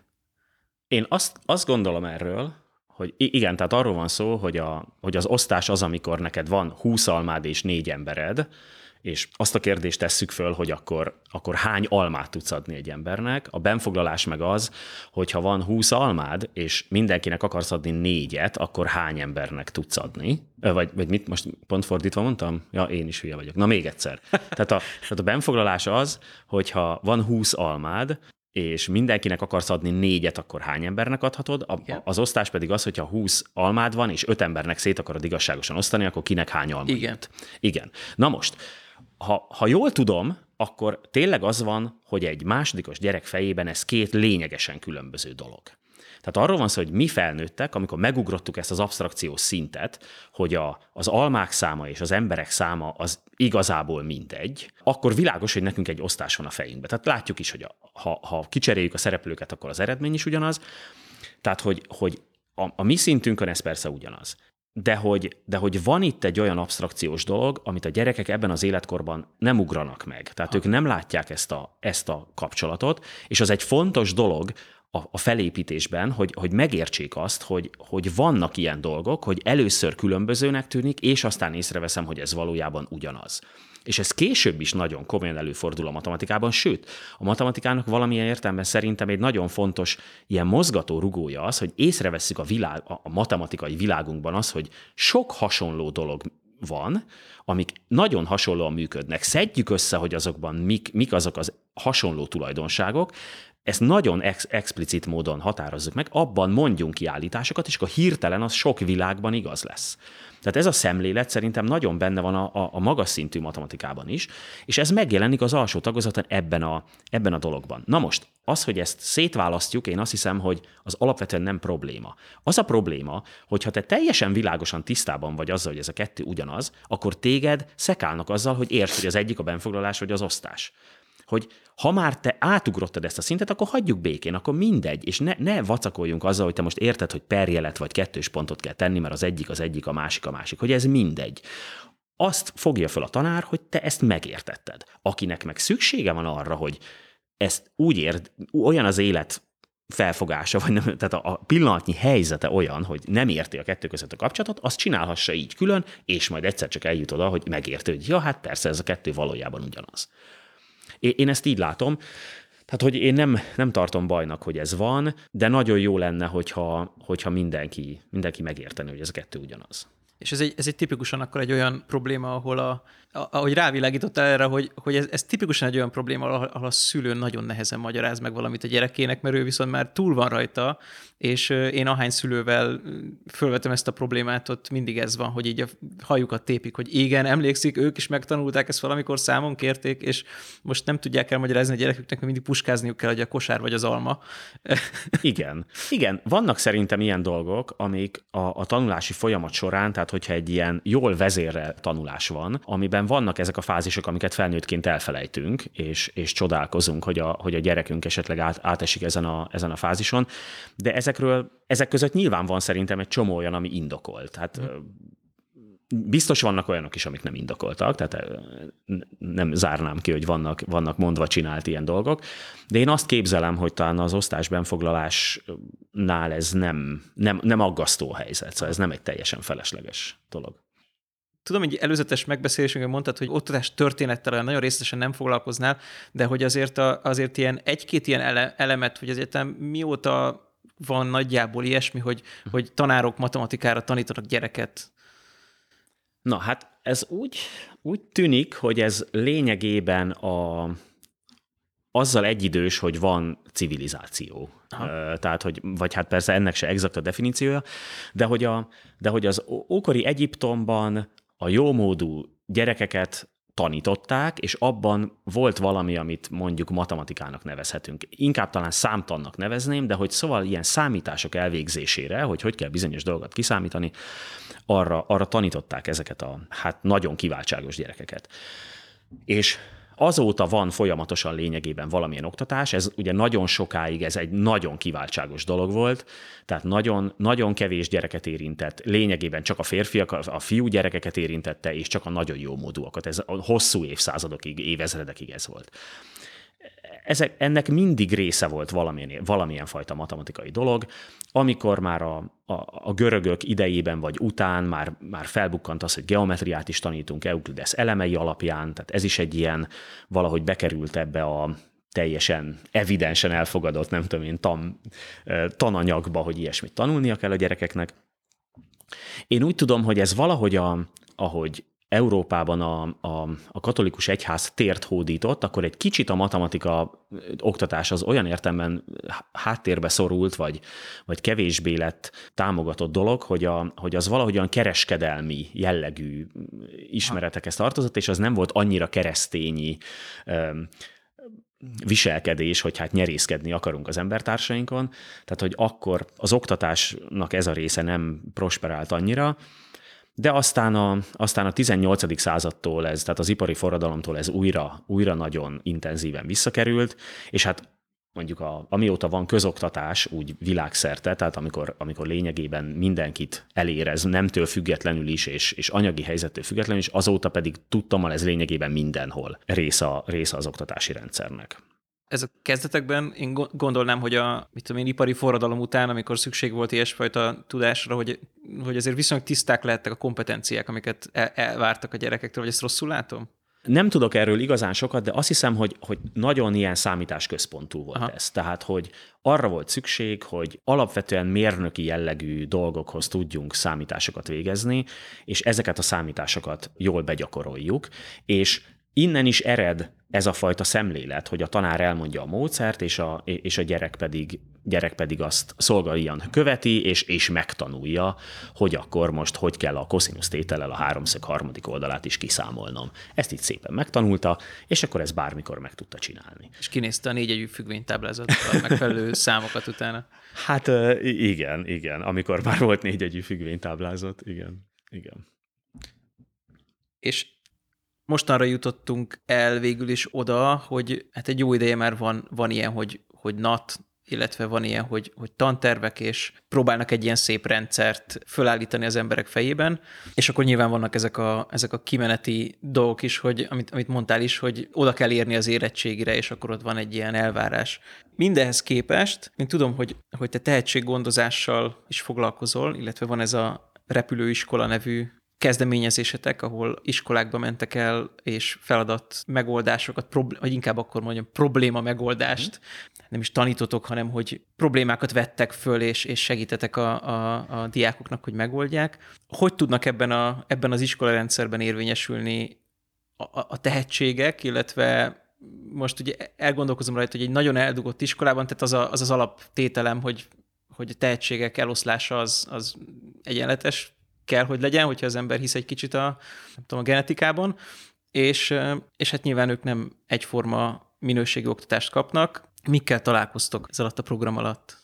Igen, én is, én is valahogy azt feltételezem, hogy nagyjából egyenletesen oszlanak el, és hogy nem nagyon tudjuk, hogy itt a genetika hogy, hogy játszik szerepet, de hogy én is azt feltételezem, hogy a földrajzi elhelyezkedésnek nincs nagy, nincs nagy jelentősége annak nagyon nagy jelentősége van, hogy milyen a, a szülői háttér, mik a környezet elvárásai a, a, a gyerekkel kapcsolatban, tehát hogy egyáltalán fölmerül-e mondjuk az, hogy értelmiségi pályára kerüljön a gyerek, fontos-e az iskola, tehát, hogy ez a, ez a mi szempontunkból láthatóan, mármint a tehetséges gyerekek szempontjából egy nagyon fontos körülmény, hogy az iskola az otthon egy támogatott dolog-e, vagy valami, amit túl kell élni. Tehát, hogy van az a, van az a szülői hozzáállás, hogy hát nekem is rossz volt az iskolában, neked is rossz, de túléljük, és aztán majd, majd lesz valahogy. Ez és nagyban olyan, mint a kicsiben a matematika, azt is máshol meg túl szeretnék élni. I- igen, igen, igen. És akkor, igen, pontosan. És akkor ehhez képest van az, hogy, hogy azt mondja a szülő, hogy hogy a, akár egy olyan helyzetben is, ahol, ahol mondjuk anyagilag vagy társadalmilag nem annyira kellemes helyzetben, de a szülő azt gondolja, hogy, hogy az, egy, az egy kitörési lehetőség, vagy tehát, hogy az iskolában komoly potenciál van, és érdemes ezzel foglalkozni, akkor az, akkor az egy nagyon nagy támogatást jelent a mi szempontunkból, hogy, hogy esélyünk van arra, hogy, hogy, hogy itt kialakuljon egy tehetséges gyerek. Azt gondoljuk, hogy ennek is, meg az iskola kezdeti, nem tudom én, első négy-hat évének nagyon fontos szerepe van, és, és sok, sok gyereket elveszítünk idézőjelben ott. A, a repülőiskolát mi 9. osztálytól csináljuk, ami, ami késői, tehát mi tudjuk azt, hogy ez későn van, de a program szerkezetéből adódóan abból, hogy először körbejárjuk az országot, meg akarjuk mutatni azt, hogy mi mit gondolunk a matematikáról, és utána összeszedni azokat a gyerekeket, akik azt gondolják, hogy nekik ehhez van kedvük, és utána egy központi programban további két évig csináljuk azt velük, hogy havonta egy-egy napra intenzíven matekozunk velük, ez nem fog működni, hogy ötödikes gyerekeket nem fognak elengedni Békés Csabáról Budapestre, még kisebbeket pláne. Tehát, hogy, hogy sajnos itt van egy ilyen életkori nehézségünk, van egy olyan tervünk, hogy ezt szeretnénk valamelyik régióban kipróbálni fiatalabb gyerekekkel, hogy esetleg egy közeli, egy megyeszékhelyre, vagy egy járási központba inkább elengedik őket. Még idő és energia hiányában ezt nem, nem, nem sikerült elindítanunk. De szóval amit látunk, az az, hogy, hogy nagyon sokat számít, hogy a gyerekek milyen iskolába kerülnek. Nyilván a tanítónéni is, a, a tanárok is, de akár, de, de maguk az iskolák is. Tehát a, akik végül igazán tehetségesnek bizonyulnak a középiskola végére, azok sajnos kevés településen és kevés iskolában koncentrálódnak. Tehát az egy dolog, hogy van egy jól működő rendszer Magyarországon, amiről te is beszélt, hogy te is Pecmatra jártál, tehát a speciális matematika tagozatok rendszere, ami ma még van tíz iskola, vagy inkább kilenc, akiknél vannak ilyen, ilyen osztályok, ahol a, a matematika tanterv más, az persze rendben van, hogy, hogy itt, itt összpontosulnak ezek a gyerekek, sőt, ez tulajdonképpen azt mutatja, hogy ez a, ez a dolog jól működik. De azért, azért a, a, utána nem egyenletes a dolog, amit már nem, nem indokol szerintem a, a, a specmat jól működősége. Tehát, hogy hogy vélhetően sok gyerek nem jut el oda, ahol megkapná azt, amire neki matematikából igazán szüksége lenne. Úgyhogy hát tehát a repülőiskola az nem tud, spót, nem tud pótolni egy specmatot, tehát ez nem egy olyan óraszámú dolog, de azt gondoljuk, meg azt látjuk, hogy azért, azért tudunk adni egy komoly pluszt. És itt nem is pusztán csak arra gondolok, hogy most mit tanulnak konkrétan a, a mi foglalkozásainkon. Hát egyrészt bízunk benne, hogy az is számít, főleg ez a szemlélet. Tehát ez a fajta kíváncsi vagyok a világra, érdekes problémák legyenek, ez az e, eleve ez a feladat megoldó, vagy probléma megoldó hozzáállás, hogy, hogy nem mondják, hogy mit csinálunk, mi meg fogjuk tudni oldani. Csapatban dolgozunk, tehát, tehát ezt önmagában is értékes dolognak tartjuk, tehát hogy sajnos sokan nem találkoznak ezzel, erről, ezzel a hozzáállással. Erről van visszajelzésetek, hogy, hogy akik részt vettek ebben a programban, de mondjuk nem jutottak be a, a csúcs, nem tudom, tehetséggondozó szintre, ők ebből, ebből mit profitáltak? Hát nincs, nincs igazán jó mérésünk erről. Amit tudunk, az az, hogy az, hogy az első évfolyamnál, amikor körbe mentük, akkor kicsit több mint ezer gyerekkel találkoztunk ezeken a bemutató próba, ö, alkalmakon, amikor a második évben pedig kb. 1300 gyerekkel, és kértünk visszajelzést.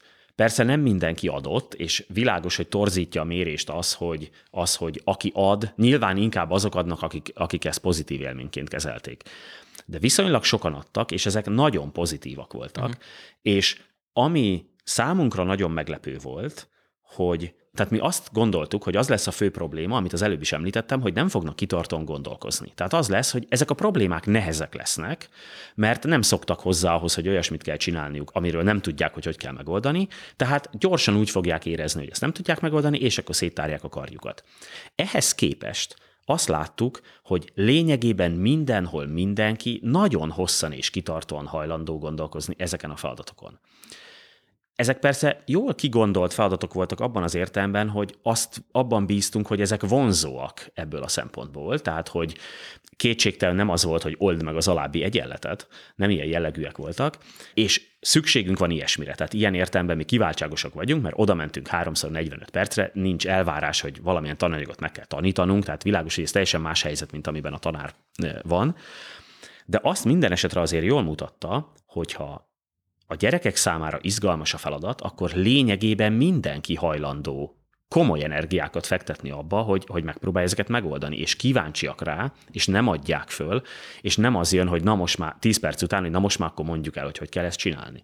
És amikor van egy stratégiás játék mondjuk, amiben az a céljuk, hogy rájöjjenek a nyerő stratégia, és megverjenek minket, és tizedszer kikaptak, akkor is ha harcolnak, hogy tizenegyedszer hát, ha megvernek minket. Még akkor is, ha látja, hogy esetleg valamelyik osztálytársa már fél órája túl van ezen, és első kísérletre is megvert minket. Tehát, hogy az nekem egy nagyon, nagyon meglepően pozitív tapasztalat volt, hogy mennyire, mennyire jól meg lehet mozgatni ezeket a gyerekeket ilyen értelemben. Az intenzív program, tehát amikor már két évig velünk vannak, havi egy, egy teljes napot, arról is vannak visszajelzések, hát ugye ott még csak az első évfolyam ért véget teljesen. Ott is azt gondoljuk, hogy, hogy hogy sokat fejlődtek ebből a, ebből a szempontból, sokkal inkább értik azt, hogy itt el, elmélyülünk, valamiben, és, és kitartóan harcolunk egy feladattal, és ami még szerintem nagyon fontos, hogy látták azt, hogy ezzel a esetleg furcsaságukkal, hogy őket érdekli a matematika, azzal nincsenek egyedül. Tehát ez nem egy ciki dolog, hogy ott van valaki elő, valami fura gyerek, aki, aki, akit akinek vicces az, hogy megold egy egyenletet, hanem vannak még körülöttünk ilyenek. Persze lehet, hogy egy-egy 30 es osztályban nem jut belőle kettő, és ezért ezek a gyerekek sokszor egyedül érzik magukat, de hogy úgy egyébként vannak ilyenek, és ez teljesen normális dolog, és egymásra találnak, és, és, és ez egy ilyen szempontból egy ilyen megnyugtató helyzet, hogy, hogy, hogy itt akkor otthonosabban érzik magukat, hogy olyasmivel foglalkoznak, ami a másikat is érdekli, és az nem kínos, teljesen normális, ez beszéd téma is, tehát akkor tudnak egymással erről beszélni, normálisan egy, egy átlagos osztályban felvetnéd, hogy láttam egy érdekes matematika feladatot, lehet, hogy nem lenne egy ilyen népszerű beszélgetés kezdeményező dolog, vagy de, de ebben a társaságban meg persze teljesen természetes.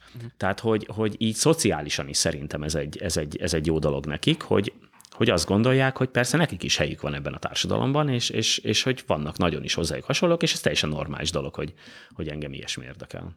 És akkor ezek teljesen átlagos osztályok, ahol megszerveztétek az iskola fenntartójával vagy igazgatójával, hogy akkor ti most itt pár órára átvennétek a irányítást, és, és akkor rendes matek óra helyett van egy ilyen óra, vagy ez hogy, hogy zajlik? Tehát van egy, van egy felhívás, amit közzé teszünk, és próbáljuk terjeszteni, és csak ha az iskola jelentkezik, akkor, akkor kerül be, tehát mi nem erőszakoljuk rá magunkat senkire, és annyit kérünk az iskolától, hogy adjon nekünk háromszor 45 percet egy teremben, és akkor ott bízza ránk azokat a gyerekeket, akik jelentkeznek a programra. Tehát ez rendes is, oktatási időben? Tehát rendes oktatási aha. időben. Tehát hát ez általában nem matekóra, mert senkinek nincs egy nap három matekórája, hanem ezt a rugalmasságot, ezt, uh-huh. ezt megkapjuk az iskolától. Hogy ez egyben 3 45 perc. Egyben 3 45 perc, egy helyen, tehát még azt is kérjük, hogy ez egy teremben legyen, és hogy ne kelljen foglalkoznunk a szünetekkel, hanem azt mi szabályozzuk, mert az is egy lényeges dolog, hogy vannak pillanatok, amikor eljön a szünet, mert amikor van, amikor az van, hogy 30 perc után látszik, hogy fáradtak, mert, mert nem tudom, bármi történhet, vagy esetleg nem találtuk el annyira jól a feladatokat, és nem annyira lelkesek, akkor tartsunk egy szünetet,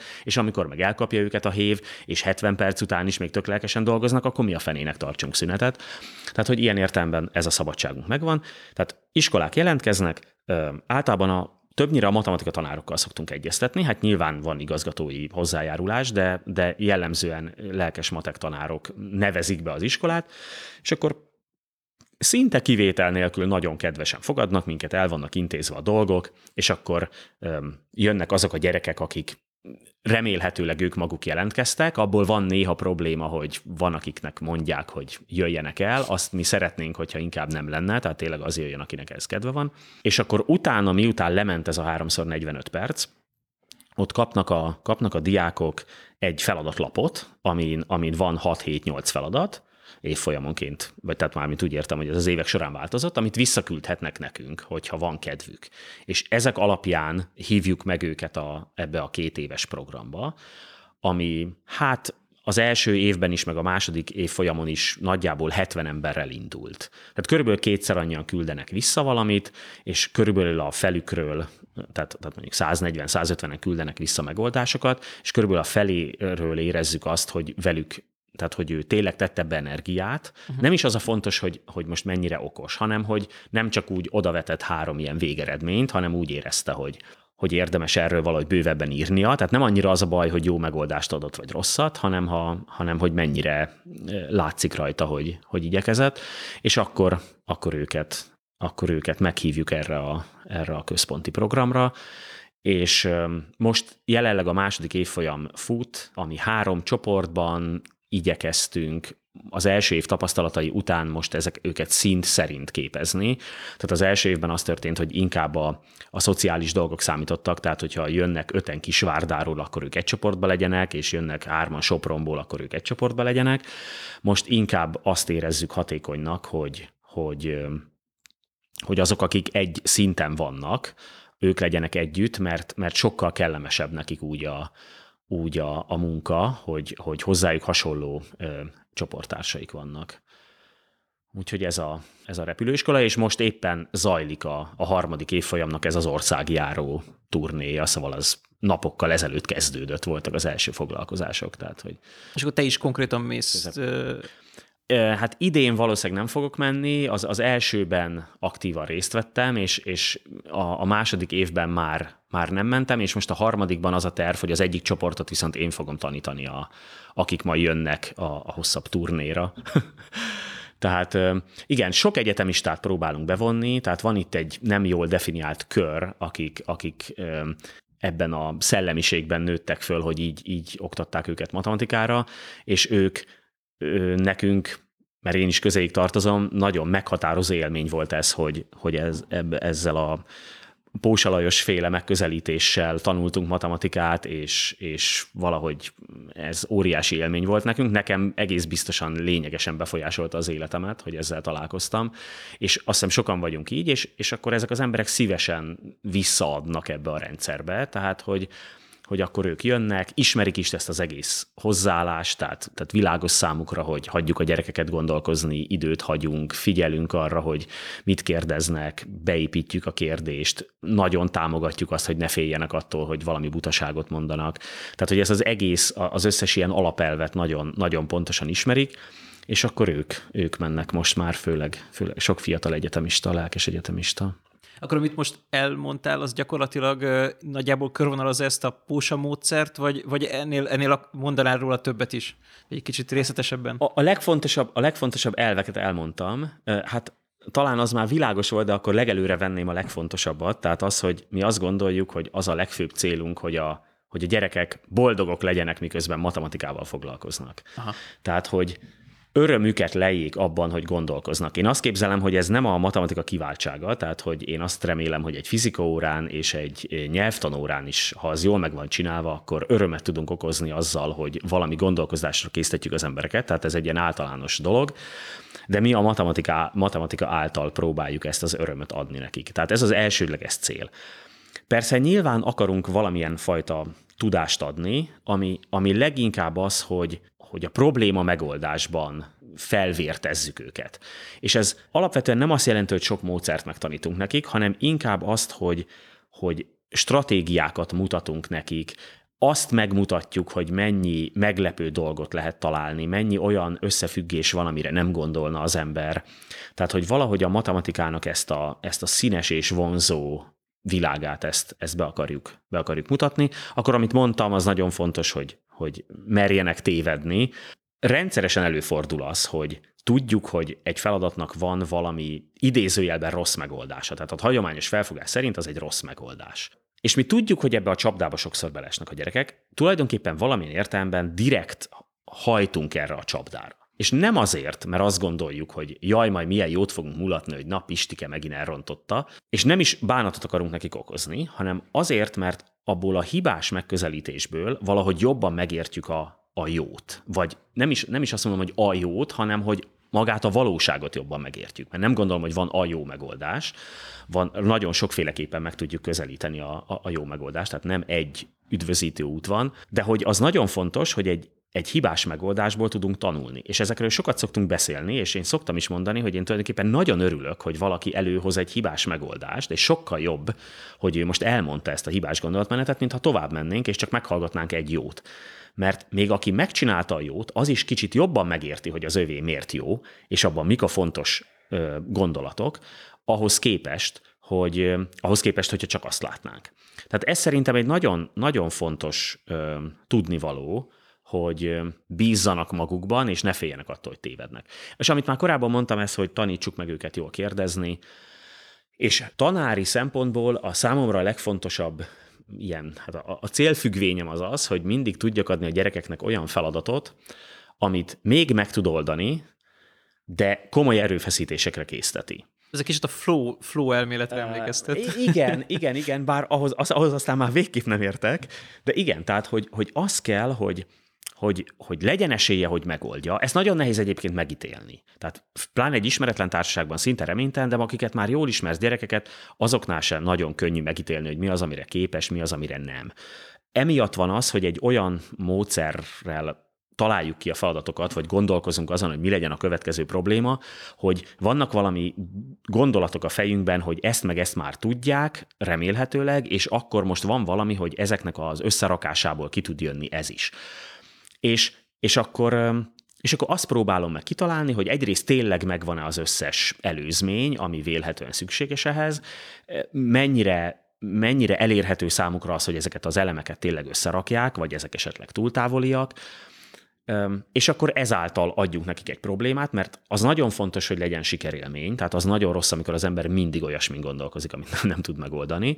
Másrészt szerintem az se jó, ha mindig jönnek így a könnyű, könnyű eredmények. Tehát az, az jó, hogy érzi, hogy ő küzdött, és neki magának is, hogy azt mondom, hogy ú, ezért megdolgoztam, és milyen jó, hogy kijött.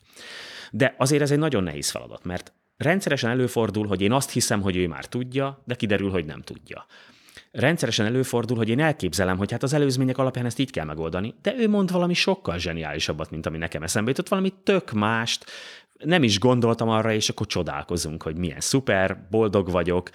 Persze van, amikor, van, amikor ez olyan értelemben kellemetlen érzés, hogy ja, hogy én hülye vagyok, nem jöttem rá, hogy ez így, így, is, így is kijöhet, de ez legyen a legnagyobb baj. Tehát, hogy, hogy ez egy nagyon, tehát ez, ez egy meghatározó dolog, hogy, hogy elérhető, de erőfeszítésre késztető problémák jöjjenek. Igen, hát támogatjuk azt, hogy, azt, hogy csapatban dolgozzanak, hmm. és ennek egy nagyon érdekes formáját, amit elég komplikált szokott lenni elmagyarázni, mert az emberek valahogy nem, nem értik teljesen, hogy mit akarunk. Tehát, hogy az egy fontos szempont, amikor a gyerekeket tanítjuk, hogy azt elérjük, hogy minél több mindenre, minél többen rájöjjenek. Tehát, hogy hagyják egymást rájönni a megoldásokra. Ezért nagyon nem szeretjük, ha egy gyerek bekiabál egy megoldást. Ezeket, ezeket hát nem büntetjük, de szóval, hogy próbáljuk nekik elmagyarázni, hogy ezt ne csináljátok, és hogy értsék meg azt, hogy hagyják meg a másiknak azt az örömöt, hogy ő jöjjön rá. Na most de akkor feltehetjük a kérdést, hogy és akkor akarnánk csoportmunkát is, na de hát akkor ez hogy van? Hát a csapatban valaki rájön, és majd elmondja a többinek, és akkor megfosztja ettől az élménytől. Akkor nyilván, akkor nálunk mindenki egyénileg gondolkozik de nem. Szóval az van, hogy a, az ideális helyzetben két-három fős csoportokban dolgoznak a gyerekek különböző helységekben.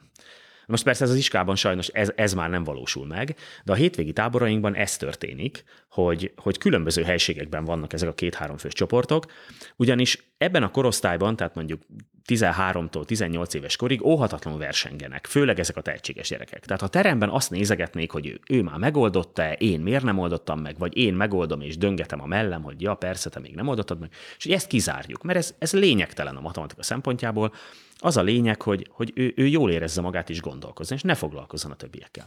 Na jó, de akkor hogy fogják hagyni egymást, ha hárman vannak egy csoportban?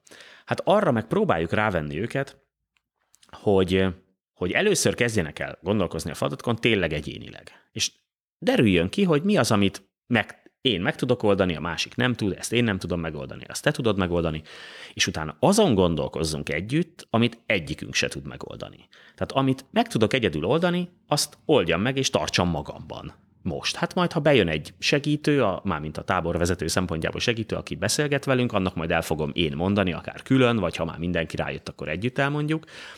De hogy azokon a dolgokon gondolkozzunk együtt, amin, aminek nem tudjuk a megoldását. És még itt is próbáljuk őket rávenni arra, hogy mikor elkezdünk így közösen gondolkozni, akkor előbb-utóbb esetleg valaki a közös gondolkozás által rájön, és ezen a ponton próbálja meg kilépni. Tehát, hogy az legyen, azt mondja, hogy oppá, én most rájöttem, és akkor hagylak titeket tovább. Aha.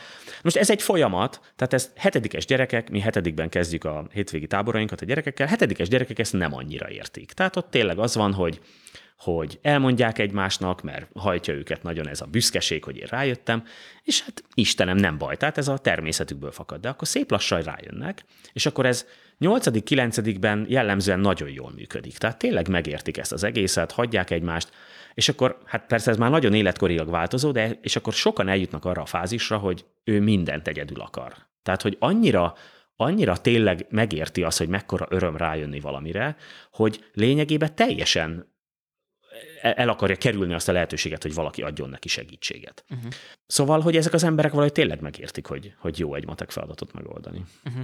De egyébként ennek a csoportos dolognak ennek utána van, le, lehetne folytatása? Tehát amikor már eljut arra a szintre, hogy ő mindent egyedül akar, mert szeretné megoldani ezt a problémát, de ugye mégis mindig azt mondják, hogy most már a tudományban is azért a csoportos együttműködés az, az nagyon fontos, illetve hát én a Rényiből hallok sztorikat, hogy ott a közös tábláknál, meg a személyes találkozóknál sokkal több jó gondolat születik, mint egymás cikkeinek a, olvasása után, sokszor percek alatt hogy, hogy ezt is valahogy megtanulják, vagy, vagy átérzik, vagy ez, ez, ez nincs annyira benne ebben? Szóval ez, ez azt hiszem nincs annyira benne, de az benne van, hogy, hogy akinek végül is erre van igénye, amikor felfogta, hogy ez a cél, de ő azt mondja, hogy én tudatosan lemondok arról, hogy, hogy esetleg a másik két ö, csoporttársam megkíméljen attól, hogy elmondja a megoldást, hanem én azt mondom, hogy én hajlandó vagyok meghallgatni, vagy ő adhat ötletet, akkor, akkor ez így egyénileg persze kialakulhat. És mondom, igazából amit te mondasz, hogy a rényiben hallasz ilyeneket, szóval ott se arról, amikor együtt dolgoznak, akkor nem abban a fázisban vannak, hogy az egyik már tudja, persze. és elmondja a másiknak az ötletet. Tehát, hogy azt, pont ugyanazt a fajta dolgot, annak az analógiát abszolút adjuk, hogy még egyikünk se tudja, beszélgessünk róla, hogyha tényleg egyikünk se tudja, csak még vélhetően egy ilyen éles kutatásban az, hogy egyiknek egyszer csak beugrik, akkor elmondja, hogy hoppá, akkor innen már kész vagyunk. Itt meg azt mondjuk, hogy jó-jó, ezek, amiken ők dolgoznak, azok sose nyitott kutatási kérdések, tehát akkor azt mondom, hogy jó-jó, akkor én most kiszállok, és akkor ti is próbáljátok innen befejezni. Uh-huh. Tehát inkább ebben a végső fázisban van különbség, de a, az, az eleje az szerintem, az szerintem eléggé hasonló. És abban az értelemben is, hogy nagyon szeretnénk azt a fajta mm, élményt biztosítani nekik, hogy ők valamit kutatnak. Tehát, hogy tényleg megmutatni nekik azt, hogy, hogy kísérletezzünk, próbálkozzunk, mélyüljünk el benne, nézzük meg innen, nézzük meg onnan. Nem az van, hogy ó, meg kéne találnom az utat. Tehát nagyon sokszor hosszú megbeszélések telnek el azzal, hogy egy feladatra mutatunk három-négy teljesen különböző megoldást. Mert hogy azt gondoljuk, hogy az nagyon jó, hogy látják, hogy ezek, ezek sok felől megközelíthető dolgok, nem beszélve arról, hogy akkor látják, hogy mi, minden mindennel összefügg kis túlzással a matematikában. Tehát, hogy, hogy ennek, ennek nagyon fontos szerepe van, hogy ott el, el tudjanak mélyülni, és kicsit szoktuk is mondani, hogy ez valahogy erre a kutatói létre is neveljük a gyerekeket, tehát hogy, hogy ez nem is gondoljuk, hogy feltétlenül a közoktatásba ezt a fajta szemletet be kell vinni, mert nem, nem kell, a közoktatásban nem kell mindenkinek ezt a kutatói szemléletet közvetíteni, de ebben a tehetséggondozó fázisban szerintem ez egy fontos dolog, hogy ők ezt a fajta kutatói élményt átéljék. És most még visszatérve ennek a, ennek a repülőiskolának a legelejére, vagy a, az alapszintjére, hogy tudnál mondani olyan feladatot, ami, ami mondjuk így hangban, és a hallgatók is, hogyha meghallgatják, akkor, akkor mondjuk akár a kocsiba vannak, és nem olyan a vezetési uh-huh. szituáció, akkor el tudnak rajta gondolkozni, és nem kell hozzá toll meg ceruza. Jó, mondjuk mondok kettőt. Jó. Az egyik az onnan indul, amit hát szerintem nagyon sok magyar szokott játszani, akár a gyerekeivel is, hogy barkóbázunk. Azt, ez egy közismert játék, és az egy teljesen exakt és nagyon ismert matematikai feladat, hogy mondjuk mm, van száz számunk, az első száz számból hány, kérdé, hány barkóba kérdéssel tudjuk kiválasztani a megfelelőt. Tehát barkóba kérdésnek azt nevezzük, amivel igen, amire mhm. igennel vagy nem lehet válaszolni. Ez egy ilyen nagyon standard feladat, most abba bele sem mennék, hogy esetleg könnyen meg lehet általa érteni a logaritmust, mert hogy az szerepet játszik ebben a történetben, de de minden esetre ez egy egyszerű kérdés. Az emberek sokat játszanak, és nem szokták ilyen szempontból optimalizálni a, a barkóbát. Aha. Tehát nem szoktak azon gondolkozni, hogy mi is az igazán jó stratégia, hanem van, van egy olyan érzésük, hogy, hogy mit tudok, mit nem tudok. Ha, ha egy kicsit ilyen matematikus érdeklődésű gyerekekkel játszom, akkor már sokkal inkább érzem ezt, hogy megpróbálják a, a, a jó stratégiát, az elméletileg jó stratégiát a való élet barkóbájára is alkalmazni. Na, tehát akkor az alapkérdés az, hogy száz, az első száz számból én gondoltam egyre, neked ki kell találnod, hány barkóba kérdéssel tudod ezt garantálni. Ugye mondhatják a, a, a kevésbé jártas hallgatók, hogy hát ez nem világos, mert lehet, hogy én a 13-ra gondoltam, és te rákérdezed, hogy a 13, és akkor egy kérdéssel vége van. De itt arról beszélünk, hogy ha nincs szerencséd, tehát a legrosszabb esetben is garantáltan mennyivel tudod kitalálni. Jó, ez egy, ez egy egyszerű feladat, ezt szerintem sokan végig tudják gondolni, és egy izgalmas kapcsolódó kérdés, hogy mi történik akkor, hogyha neked egyrészt előre meg kell fogalmaznod a kérdéseidet. Tehát ez az első lépés, hogy nem attól függnek a kérdéseid, hogy eddig mik voltak a válaszok, ugye ez már eleve a normál barkóbában nincs is benne hogy nem szoktunk olyat játszani, hogy levélben barkóbázunk, és én elküldök neked 20 kérdést, hanem ez egy ilyen interaktív folyamat. De most képzeljük el, hogy valami speciális laboratóriumban akarunk, nem tudom én, valami atomról megtudni valamit, amit ott elektromikroszkóppal nézegetnek, és előre föl kell tennünk a kérdéseket, és úgy akarunk valamit megtudni, akkor készüljünk fel erre, hogy akkor mi a helyzet. Romlik -e ettől a helyzet? Tehát javulni nyilván nem fog, nyilván ettől nem lesz kevesebb kérdésre szükség, de vajon lényegesen romlik-e? És ami szerintem a, az első ilyen igazán izgalmas dolog, amikor azt mondjuk, hogy és egy válasz nem, egy válasz nem jön vissza. Akkor aha, mi van? Aha. Tehát mi van akkor, hogyha feltehetsz valány kérdést, de az egyikre nem fogod megkapni a választ? Akkor mit lehet csinálni? Ez például szerintem egy olyan kérdés, ami, ami vonzó, valamennyire kapcsolódik is az élethez, tehát hogy szoktunk barkobázni, nem beszélve arról, hogy ami ennek a megoldása, az nagyon benne van a hétköznapi életben, tehát hogy nem akarom most a megoldást lelőni, hogy gondolkozzanak rajta uh-huh. a hallgatók, de hogy ez a, ami, ami ügyesen lehet itt csinálni, azt alkalmazzuk a, a, a hétköznapi életben, tehát mondjuk az interneten mennek az adatok, ott előfordulhat, hogy egy bit nem pontosan érkezik, sőt, ez szinte mindig előfordul, és ha nem is ezt a nagyon egyszerű technikát, ennek sokkal bonyolultabb formáit, de alkalmazzuk abban, hogy azok a, azok a csomagok, adatcsomagok, amik mennek az interneten, azokról hogy biztosítjuk, hogy igazából ne vesszen el információ. Miközben tudjuk, hogy elveszik, de ahogy itt is, ugye elveszik az információ, de nekem meg kell tudnom az eredetit, tehát hogy erre föl lehet készülni. Tehát mondjuk ez szerintem egy olyan dolog, ami izgathatja a gyerekek fantáziáját, hogy akkor ezt csináljuk minél hatékonyabban ezt a kérdezősködést. Uh-huh. A másik ilyen feladat az mondjuk az, hogy van egy tortánk, egy négyzet alap, alakú torta, és akkor be van vonva valami mázzal a kerete. A, tehát a, a felső lapja, meg, a, meg mondjuk a két oldala, de gondolhatjuk úgy is, most az egyszerűség kedvéért először gondoljunk arra, hogy csak egy síkbeli torta van, ami persze hülyeség, de a, nincs síkbeli torta, de hogy a, ezen az, ezt az abstrakciót már túlléptük, és akkor, ha fölülről ránézünk, akkor van a kerületén valami máz, meg van maga a torta. És három ember akarna osztozkodni a négyzet, alapú tor, a négyzet alakú tortán, úgy, hogy hát persze ugyanannyi tortát akarnak, de a széléből is ugyanannyit akarnak. Mert hogy az a máz, az nagyon finom, és azt is igazságosan akarják elosztani. Hogy tudjuk felosztani a tortát? Úgy, hogy a kerületéből is, meg a területéből is, most már azt hiszem, ezt átléphetjük ezt a szintet, hogy akkor kimondjuk, hogy a területét, meg a kerületéből is az egyharmadát kapja mindenki.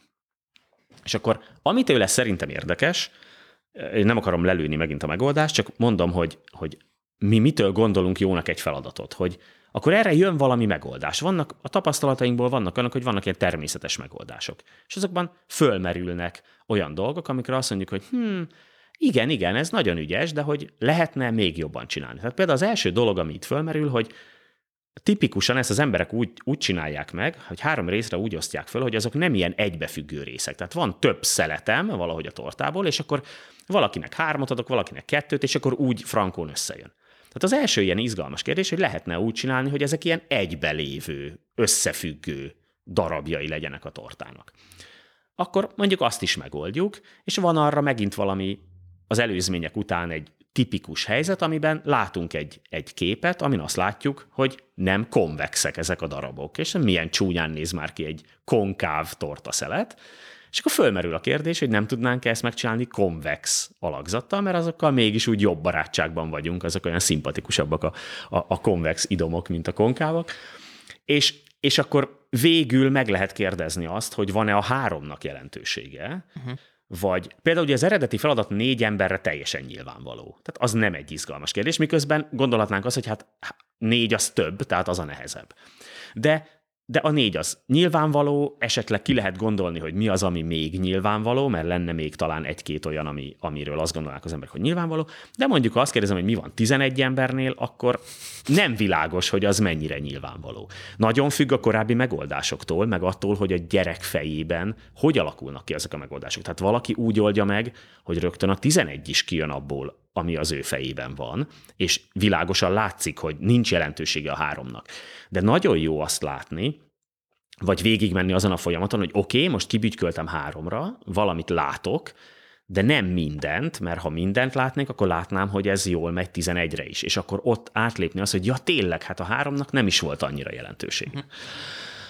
Szóval én azt hiszem, hogy ezek, ezek vonzóak, és azt hozzátenném, hogy nem gondolom egyikről se, hogy ezek nagyon ilyen erősen a való élet problémái. Tehát, hogy azért annyira nem szoktunk vacakolni azon, hogy most mennyi torta máz jut, kinek mennyi jut. Eleve, hogy egy síkbeli tortáról beszélünk, az már eleve egy furcsaság. Egyébként csak zárójelben mondom, hogy ezt így kihúzzuk a térbe, tehát lesz valami magassága, akkor ez a feladat ugyanaz, még akkor is, ha a tetején is van máz, mert hogyha a területet elharmadoltuk, akkor a tetején lévőt is elharmadoljuk, tehát tulajdonképpen lehetne teljesen életszerű feladatot csinálni belőle, de hogy ahogy azt korábban is mondtam, a mesének nem az a lényege, hogy ő ezt értse, mert nem, nem fogja azt gondolni, hogy a matematika azért hasznos, mert a következő születésnapon majd tényleg el tudjuk jól ezt harmadolni. De az, hogy van egy ilyen sztori, és nem azt mondtuk, hogy vegyünk egy négyzetet, amelynek hat az egyik oldal hossza, és föl tudjuk-e osztani, Szóval, hogy van szerintem egy lényeges hangulati különbség, és így lényegesen szívesebben gondolkoznak rajta az emberek, és persze egy idő után meglépik azt a szintet, hogy ja, hát persze én magamnak átfogalmazom, hogy itt van egy négyzet, és akkor ezt meg ezt akarom, és akkor tulajdonképpen már ebben a teljesen absztrakt világban gondolkozom. És szerintem az egyik legfontosabb kompetencia, amit meg kéne tanítani a matematikának, az pont ez a lépés. Tehát az, hogy a, a gyakorlati élet dolgait valamilyen szinten tudjam absztrahálni. Nagyon különböző szinten kell ezt tudniuk az embereknek, de hogy mindenkinek kell valamilyen szinten tudnia. Tehát nyilván egy matematikusnak nagyon magas, vagy egy fizikusnak nagyon magas szinten kell tisztában lenni az abstrakciós lépésekkel, de, de egy, egy sokkal kevésbé közeli embernek is nagyon sokat segít, hogyha bizonyos abstrakciókat végre tud hajtani, és a teljes konkrétumoktól függetlenül tud bizonyos dolgokon gondolkozni. És az egyébként tök érdekes ebben a feladatban, hogy ugye itt vannak ugyan konkrét számok, tehát nyilván egy négy oldalú tortáról volt szó, és, és, és akkor három részre akartuk osztani, vagy tizenegyre, vagy négyre, de hogy azért én nagyon sokszor azt látom feladatoknál, különösen ilyen kisebb iskolásoknak adott feladatoknál, hogy úgy próbálnak meg feladatokat nagyon konkretizálni, hogy nem azt mondják, hogy, tehát, hogy elkezdik konkretizálni számokkal a dolgokat. Tehát, a, tehát azt mondják, hogy akkor itt van egy ténylegesen öt hosszúságú oldalú négyzet, és akkor ez is az legyen. És én valahogy ezeken azt érzem, hogy jó lehet, egyrészt ad egy olyan hamis reményt, hogy majd kiokoskodom a számokkal, vagy hogy ez úgyis egészre jön ki, és akkor majd ott lesz valami mankó, vagy ilyesmi, és hogy mintha ez, el, ez szükségtelenül elhomályosítaná azt az abstrakciót, ami ebben, ebben benne van potenciálisan ebben a feladatban. Sőt, ugye még alsó tagozatban nem azt fogják mondani, hogy 5 hosszú, hanem 5 centiméter ja, Igen, 5 centiméter Tehát, hosszú, hogy igen. igen. igen. Na most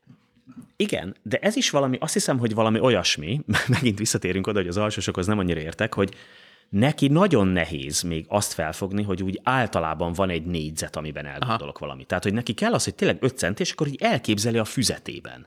És akkor annak van egy ilyen fizikai idézőjelbe fizikai valósága. És akkor átlépünk utána oda, hogy az ötöt, hogy, hogy az öt centi az mindegy, tehát hogy van valami egység, az is már egy komoly abstrakció, hogy nincs egy valódi mérete annak, hanem én skálázom a dolgot.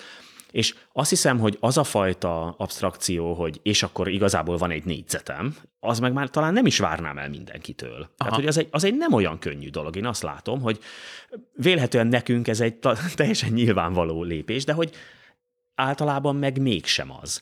És, és én azt képzelem, hogy, hogy nekem van egy csomó ilyen mondjuk nyelvi nehézségem, hogy, vagy kompetencia hiányom, hogy ami egy nyelvileg járatosabb embernek triviális valamilyen értelme az az abstrakció, az nekem nincs. Tehát most nem azt akarom mondani, hogy mi valami felsőbbrendűek vagyunk, hogy könnyen absztrálunk egy négyzetre, hanem hogy, hanem hogy ez nem annyira mindenki számára fontos dolog, és nekünk úgy alakult az életünk, hogy nekünk ez lényeges is, meg, meg ez könnyen jön. Aki meg persze foglalkozik vele, és lelkes lesz, annak persze ez, ez könnyen kialakul, és, és az, hogy ebben valameddig eljutasson minket az oktatás, az, ezen a vonalon, az persze fontos. És azon lehet vitatkozni, hogy most általában egy, egy négyzetről az a szint már kell-e vagy sem. Ez nézőpont kérdése, tehát én azt gondolom ma, hogy úgy általában az érettségizőktől nem feltétlenül kell, de hogy mondjuk például akiket műszaki pályára akarunk orientálni, azoknál mindenképpen legyen meg az, hogy, hogy e, ez egy nyilvánvaló abstrakció, amit, amit, amit véghez tud vinni.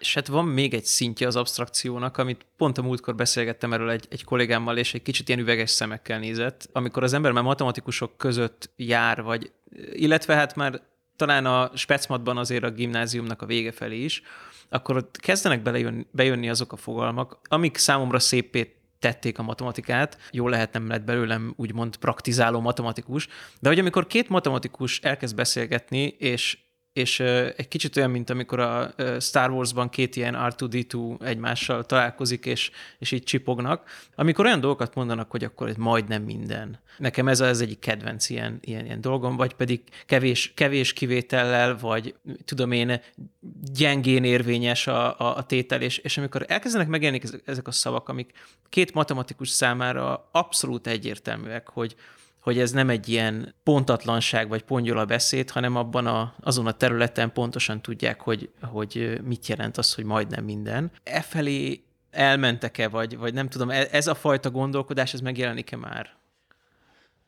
Egyrészt, tehát azt hiszem, hogy igen a válasz. Most két dologra asszociálok. Tehát az egyik az az, hogy, hogy szeretnénk azt megmutatni a, az, e, a, a, a diákjainknak, hogy már maga a fogalomalkotás is egy, egy alkotás. Tehát, Aha. hogy az egy, az nem az van, hogy a matematika valahol kőbe van vésve, és mi azt fel megtaláljuk, hanem hogy tulajdonképpen mi alkotjuk a matematikát, tehát a definíciók rajtunk embereken múlnak. Ezek ezzel, ezzel letetted a voksot egy iskola mellett, azt hiszem. Vagy, vagy ez hát, most már ez a domináns? Hát e- ez, most, ez most már a matematikában mindenképpen ez a, ez, ez a domináns. Hát tudom, van egy, egy kis rész, de ez lényegében dominánsá vált, akik, akik ezt elfogadják.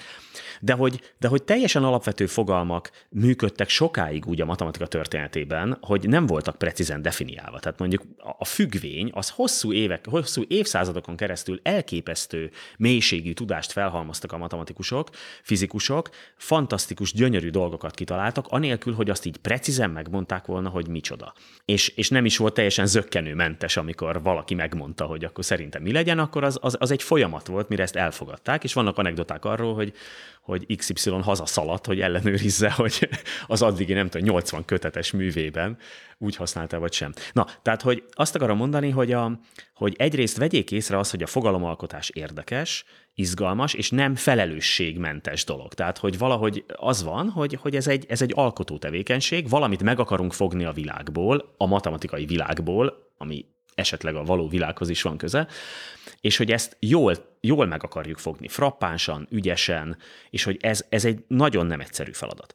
És hogy utána, amikor ez ennek van egy olyan mellékhatása is, hogyha ez jól sikerült, nem csak az, hogy új világokat tudunk ezáltal felfedezni, hanem hogy magát a kommunikációt is megkönnyíti, mert ahogy mondod, az emberek azt gondolják, hogy a majdnem minden az egy ilyen plastikus, vagy egy ilyen, ilyen folytonos skálán sok mindenféle lehet, ki ezt gondol, ki az, de egy matematikus számára mondjuk az adott környezetben eh, az teljesen nyilvánvaló, hogy miről beszélünk. Mindannyian tudjuk, hogy valami nagyon precíz definíciója van. Tehát ezt a fajta ezt a fajta dolgot akarjuk közvetíteni, azt is, arra is viszonylag nagy hangsúlyt fektetünk, hogy a, a történeti, ilyen nagy gondolati jelentőségű dolgokról beszéljünk hogy például a, pont a függvény fogalom kialakulása az a, az a tehetséggondozó táborainkban egy nagyon, nagyon központi szerepet játszó dolog. Sokféle erre épülő feladat van, izgalmas mesék vannak erről, mesének hívjuk, amikor így be, ilyen anekdotákat vagy történeteket mondunk azzal kapcsolatban, hogy ez hogy is történt valójában, vagy amit erről sejteni vélünk.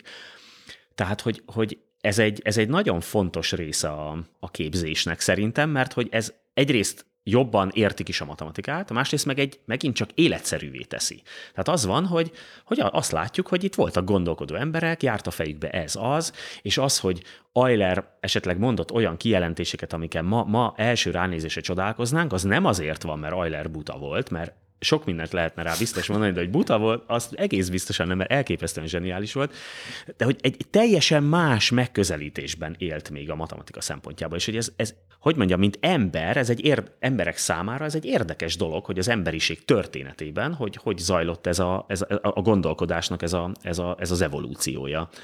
Úgyhogy van ilyesmi, és az persze egy fontos szempont, hogy a precízségre törekedjünk, mert ebbe kicsit, amit mondtál történetet, ebbe az is benne van, hogy van ez az erős törekvés, hogy nagyon jól meghatározott minden, tudjuk, hogy miről van szó, nem, nem kétértelműek a dolgok.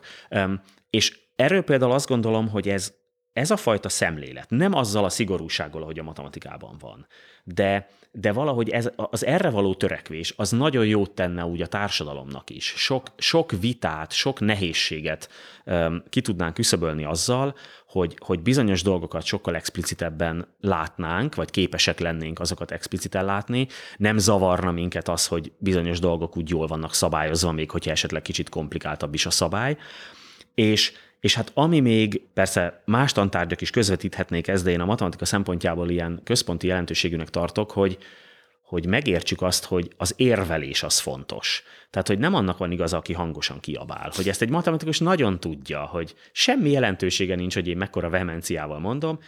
Az a kérdés, hogy nagyon leegyszerűsítve, hogy következik az axiomákból, amit mondok, vagy sem. Persze az életben nincsenek axiomák, de hogy, de hogy egy nagyon, nagyon analóg helyzet lenne szerencsés szerintem, hogy lefektetjük, hogy mi az, amiben egyetértünk, abból mi következik, és ebből egy ilyen kultúrált vita alakulna ki fontos kérdésekben. Ma én úgy érzem, hogy ez teljesen érzelmi síkra terelődik, és ez nem tesz jót. És hogyha ezt a matematikai kultúrát minél több ember elsajátítaná, akkor sokkal inkább lennénk szerintem vevők arra, hogy az észérvekre figyeljünk, és ne arra, hogy ki milyen stílusban mondja azt a mondatot, mennyit gondolkozott, hogy frappánsan össze legyen állítva az, az egy mondat, hanem arra koncentrálnánk, hogy, hogy tulajdonképpen mi is az, amit mond. És még arról nem beszéltünk, hogy, hogy te hogy jutottál ide, eh, ahol, ahol most vagy. Hát igen, nekem elég, elég kalandos így a, nem tudom, a tudományos pályám, ha egyáltalán van olyan. Tehát én matematika földrajz tanárszakon kezdtem az egyetemet, akkor a ilyen tanulmányi órarendi nehézségek miatt a, a földrajz tanárszakom az nagyon gyorsan megszűnt, tehát az e-, első fél év végén rögtön egy fél év érvénytelen pecséttel abszolváltam a, az egyetemet, ami, ami Tulajdonképpen nem volt annyira fájdalmas utólag, ott egy picit meglepő volt, mert úgy éreztem, hogy nem volt fair, és aztán, aztán később a földrajz helyett térképész szakot végeztem, a matematika tanár mellett, később doktoráltam is térképészetből, mellette még a progmatot is elvégeztem, hosszú évekig programozóként dolgoztam, de valahogy, valahogy a lelkem mélyén mindig ott volt ez, hogy, hogy tanítani akarok. Tehát már mikor programozóként dolgoztam, akkor mellette, a, a Pósalajos mellett a, a táborokban segítettem, egy idő után én magam elkezdtem táborokat vezetni. Szóval valahogy világos volt, hogy, hogy ez, a, ez az irány az, ami engem vonz. És aztán, aztán az eltére kerültem a, a Lovász László kutatócsoportjába, de ott is nagyon sok alkalmam volt arra, hogy, hogy a, a, a tanítással foglalkozzak. Ez gráfelmélet volt, gondolom. Igen, igen, de, de én hát nem is vagyok, hogy mondjam, nem vagyok élvonalbeli matematikai kutató, sőt, semmilyen matematikai kutató nem vagyok, tehát ott, ott bizonyos ilyen programozási dolgokban segítettem egy kicsit, és, és, és emellett ilyen a tanítással kapcsolatos dolgokkal foglalkoztam. Tehát már ott, ott volt alkalmam így, így ebben erre kicsit több időt szánni, mert, ami, mert előtte igazából ez hobbiból csináltam, tehát Aha. a szabadidőm terhére. És akkor 2014-ben a, a, a Rényiben lett egy ilyen hely, hogy, hogy ezzel foglalkozzak, mert a, ugye Lovász László akadémiai elnöki programjában már benne volt az, hogy a, a kutatóintézetek azok, azok foglalkozzanak azzal, hogy hogy kéne oktatni a, a, a saját tudományterületüket. Sőt, ezt, ha jól tudom, akkor az akkori akadémia, vagy Rényi Intézet igazgatójától a Pálfi Péter Pál programjában már korábban benne volt, uh-huh. és, és akkor valahogy ott keletkezett egy állás, amire én oda kerültem, és akkor az akadémia elindította a tantárpedagógiai kutatási programot, és akkor ott nyert a pályázatom a, az első rövid időszakban is, és aztán ebben a mostani négy évesben is. Szóval én valahogy így csöppentem bele, és én nem is vagyok egy ilyen igazi oktatáskutató, tehát ilyen értelemben én, én ilyen kicsit outsider vagyok. Szóval nálam sokkal-sokkal jobban értenek mások az oktatáshoz is, meg neveléstudományi kérdésekhez is. Én inkább valahogy úgy művelem ezt, hogy, hogy amit, amit Pósa kitalált, az szerintem valami olyasmi, ami, ami ez az egész szemlélet, ez nagyon jól alkalmazható lenne sok emberre. És hogy érdemes lenne kipróbálni azt, hogy tényleg mi ennek a hatóköre, illetve milyen megszorításokkal, változtatásokkal lehetne ezt alkalmazni és mivel én úgy érzem, hogy nekem így alapvetően befolyásolta az életemet ez a szemlélet, meg hogy én nagyon jól éreztem magam ezekben a helyzetekben, hogy ezt mutassuk meg minél több gyereknek, és nézzük meg valahogy, hogy, hogy tényleg ki az, aki elérhető ezzel. Szóval én valahogy így csöppentem ebbe. És akkor most, most próbáljuk, próbáljuk nézegetni, hogy, hogy kinek mennyire jó ez, hogyha így, így látja a matematikát. Nagyon szépen köszönöm a beszélgetést. Én is. Nagyon jó volt veled beszélgetni. A beszélgetés során elhangzott két feladat, illetve inkább kettő és fél. Most akkor megkérem Pétert, hogy egy kicsit beszéljen róluk, akár mondja meg a megoldásokat, vagy, vagy legalábbis vezessen el odáig, hogy, hogy megértsük a, a megoldásokat. Tehát az első feladat, indító feladata az volt, hogy barkóbázzunk mondjuk az első száz számon, és abból kell kitalálnunk, hogy, hogy a másik mire gondolt. Hát én azt hiszem, hogy aki valaha barkóbázott már, és egy kicsit van ilyen algoritmikus szemlélete, az tudja, hogy, hogy hát valahogy felezni kell a lehetőségeket. Tehát, hogy az a jó stratégia, hogyha száz elemen van az elején, akkor egy jó kérdéssel valahogy két ötvenes halmazra bontom, több lehetőség van, megkérdezem, hogy páros-e mondjuk a szám, vagy megkérdezem, hogy nagyobb-e, mint 50, és, és még számtalan, hát ha nem is számtalan, de véges sok, de nagyon sok lehetőség van két ötvenes 50-es részhalmazra bontani ezt a kupacot, és utána ezt az algoritmust folytatja az ember, tehát mindig fele, ez az 50-et még tudom két 25-ösre, aztán a 25-öst már nem tudom két egyenlőre, de haladhatunk így tovább, és, és azt látjuk, hogyha ezt jobban megvizsgáljuk, hogy itt a kettő hatványoknak van szerepe, tehát hogy ha nekem mondjuk 10 kérdésem van, akkor kettő a tizediken, vagyis 1024 dolgot tudok így megkülönböztetni. Mert hogyha egy kérdésem van, akkor két dolgot tudok megkülönböztetni. Fölteszem a kérdést, hogy ez a megoldás, és akkor ha igen a válasz, akkor az lesz, ha nem, akkor nem. És akkor ezt tudom folytatni, hogyha két kérdésem van, akkor elsőre olyan kérdést kell föltennem, hogy az első kérdés után már csak legfeljebb két dolog legyen, ebből látszik, hogy akkor legfeljebb négy dolgom lehetett, és így tovább.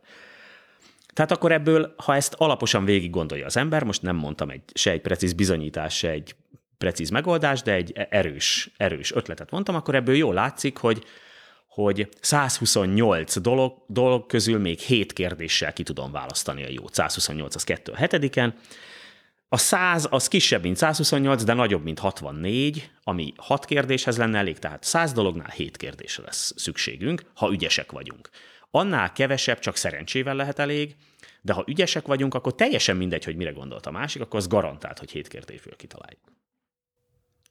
Akkor a következő fázis ugye az volt, hogy előre le kell írni a kérdéseket. És ugye az kellemetlen, hogy amikor megmondták, hogy mondjuk azt a kérdést tettem hogy nagyobb-e, mint 50, és az volt a válasz, hogy nem, akkor ugye a következő kérdésem az lenne, hogy nagyobb-e, mint 25, mert már csak az első 50 számon kell gondolkoznom. De ha előre kell megmondanom a kérdéseket, akkor nem tudom, hogy erre mi lesz a válasz, tehát valamilyen módon föl kell készülnöm arra, hogy, hogy egyszerre lesznek ezek a, egyszerre zajlanak ezek a kérdések. Most itt több, több megoldás kínálkozik, Kicsit már akár számelméleti jellegű dolgokat is lehet, lehet alkalmazni, akár azt a logikai dolgot észre lehet venni, hogy a felmerülő kérdéseket, tehát hogy azt is megnézem, hogy igen válasz esetén mit kérdeznék, és nem válasz esetén mit kérdeznék, és ezeket vagyjal összekapcsolom, akkor ezek működni fognak, mert a, a többi válaszból már úgy is tudjuk, hogy azoknak egy részük nem, a nagy részük nem lesz igaz, és csak úgy lehet a vagyos vagy, vagy az úgy is hamis lesz, és attól lesz a vagy igaz, hogy az az egy, ami engem igazán érdekel, az igaz vagy sem. Tehát ez is egy lehetséges stratégia. Persze hét kérdésnél már őrült bonyolult lesz a végén, amit kérdezünk, már baromi hosszú lesz a vagy, és senki nem fogja tudni követni. És akkor itt jön az, hogy az egy szellemes észrevétel, hogyha száz számunk van, akkor azok azok olyan számok, amik kettes számrendszerben legfeljebb hétjegyűek. És akkor egyszerűen azt is megtehetem, hogy a kettes számrendszerbeli jegyeiket megkérdezem. Tehát megkérdezem, hogy az utolsó jegy a kettes számrendszerben egy. Ez ugye ugyanaz a kérdés, mint ha azt kérdeztem volna, hogy páratlan-e a szám. Megkérdezhetném azt is, hogy az utolsó előtti jegye, vagy hátulról a második jegye, az egy E2-es számrendszerben. Ezt már bonyolultabb egy kicsit megfogalmazni, de még erről is észre lehet venni, hogy ez azt jelenti, hogy a Ugye az előbb az volt, hogy a kettes maradéka egy, az a páratlan, most pedig az, az a kérdés igazából, hogy a négyes maradéka az mennyi. Ugye, hogyha, hogyha az utolsó előtti jegyét nézzük, akkor, akkor az azt jelenti, hogy a négyes maradék az kettő vagy három, hogyha az egyes. És, és így tovább, és így tovább. Tehát akkor, és hogyha megtudom mind a hét kettes számrendszerbeli jegyét, akkor persze tudom magát a számot. És világos, hogy ez hét kérdésre van szükség, és semmilyen módon nem kapcsolódnak ők össze a, ezek a kérdések, nincsenek egymásra utalva. És akkor most jön az az utolsó fázis, hogy na és akkor ráadásul még el is veszik egy válasz, és ilyenkor pedig azt lehet csinálni, hogy mondjuk maradjunk ennél a száz számnál, tehát végig az első marad, ja, tehát visszatérve még az előzőkre, ugye az a meglepő dolog történt, hogy ugyanannyi kérdés elég akkor is, ha előre le kell írnom. Uh-huh. Ez egy lényeges nehezítés volt, mégis a, a darabszám nem változott. Mi történik akkor, ha egy kérdés elveszik? Hát világos, hogy legalább egyel több kérdést kell föltennünk, mert különben egyszerűen az információ mennyisége nem lesz elég. Tehát, hogy kell plusz egy kérdés. Kérdés az, hogy de nyolcból meg lehet-e csinálni. Hát mi a tipikus megoldás? Az emberek 14-ből simán megcsinálják, mert minden kérdést föltesznek kétszer. Hogy akkor hiába veszik el, hiába veszik el valamelyikből egy, azért egy példányban még meg lesz. 14 kérdése, tehát szinte nyilvánvaló megoldás, de akkor azért foglalkoztatja a kicsit már matematikai vénával rendelkező embert, hogy tudok, tudjuk ezt csökkenteni. Azt is látjuk, hogy 8-ra biztosan szükség van, meg látjuk, hogy 14-jel lényegében triviális. És akkor itt jön egy harc, hogy, hogy ki hogy mit kezd, és akkor meglepő módon az a válasz, hogy ez megy nyolccal. És hogyha megkérdezzük ugyanazokat a kérdéseket, mint eddig, majd pedig azt a kérdést tesszük föl, hogy a kettes számrendszerbeli alakban az egyesek száma az páros-e, akkor ez megoldja a feladatot. Ha ugyanis az első hét kérdésre választ kaptunk, akkor nincs semmi probléma, hát akkor abból tudjuk a választ. Ha valamelyik ott közben elveszett, akkor ott elveszett egy nulla vagy egy egyes. De ha tudom, hogy az egyesek száma páros vagy páratlan, akkor a meglévők alapján, amiket megkaptam, azok alapján helyre tudom állítani azt a hiányzó jegyet, és ezáltal meg lesz az összes számjegyünk. Ami, ami azért is érdekes, mert valójában tényleg valami nagyon hasonló történik, amiről beszéltünk, hogy az interneten, mikor mennek az adatok, amik tényleg egyesek és nullák, tehát kettes számrendszerben dolog szaladgálnak, akkor bizonyos csomagok, vagy darabszámú bit végén ilyen, ilyen úgynevezett ellenőrző biteket küldözgetnek. Nem ilyen egyszerű módon, ennél már egy kifejlettebb, vagy sokkal finomabb rendszer van, de az alapgondolat az ez ennek van egy erősen továbbfejlesztett és sokkal biztonságosabb változata, de hogy, de hogy ezt ténylegesen használjuk ezt a, ezt a dolgot. Egyébként valami hasonló működik például a személyi szám utolsó jegyében, abban, ha nem is pont így, de egy ilyen hasonló ilyen ellenőrző számjegy van. Tehát, hogyha az első elsős n-1 számot tudom, akkor az utolsó az meghatározott, az nem egy véletlenszerű szám, és emiatt, ha valaki véletlenül eldiktálja, akkor nagy valószínűséggel kiderül, hogy az rossz, mert nem fog stimmelni az a számjegy. Tehát ennek teljesen gyakorlati haszna van. Na akkor térjünk rá a tortára. A, egy tipikus megoldás a tortára az, hogy az emberek azt csinálják, hogy felosztják háromszor három kis négyzetre ezt a, ezt a nagy négyzetet. Tehát van kilenc ilyen kis négyzet alakú szeletünk, és azokból, ha ügyesen osztunk mindenkinek hármat, akkor az, az jó lesz. Egy ilyen szelet szélén ugye vagy egy ilyen egyharmad oldalhoz nyimáz van, vagy kettő, hogyha az egy, az egy ilyen sarok elem, vagy a középsőnek nincs egy se. És akkor, hogyha azt csinálja az ember, hogy vesz egy ilyen átlós elrendezést, tehát egy sarokelem, a középső elem meg még egy sarokelem, annak a szélén pont négy darab ilyen máz van, és a két oldalán kimaradón is pont négy-négy van, uh-huh. és világos, hogy ez így jó lesz. De hát ugye ez a középsőnek egy olyan szelet jutott, ami három ilyen kis részből áll, a másik kettőnek is ilyen furcsa alakú valami van. Ugye beszéltünk, hogy akkor lehetne úgy, hogy egybefüggőek legyenek, és akkor ezt kicsit továbbfejlesztett, tehát megtartunk egy olyan darabot, amiben három ilyen a sarokban lévő szomszédos kis négyzet van, és a maradékot a szimetria alapon elfelezzük, akkor is egy jó megoldást kapunk. Uh-huh. Tehát az átló mentén elfelezzük, akkor pont minden stimmelni fog. És, a, és hát, hogy, kon, hogy konvexszel működik-e, igen, működik.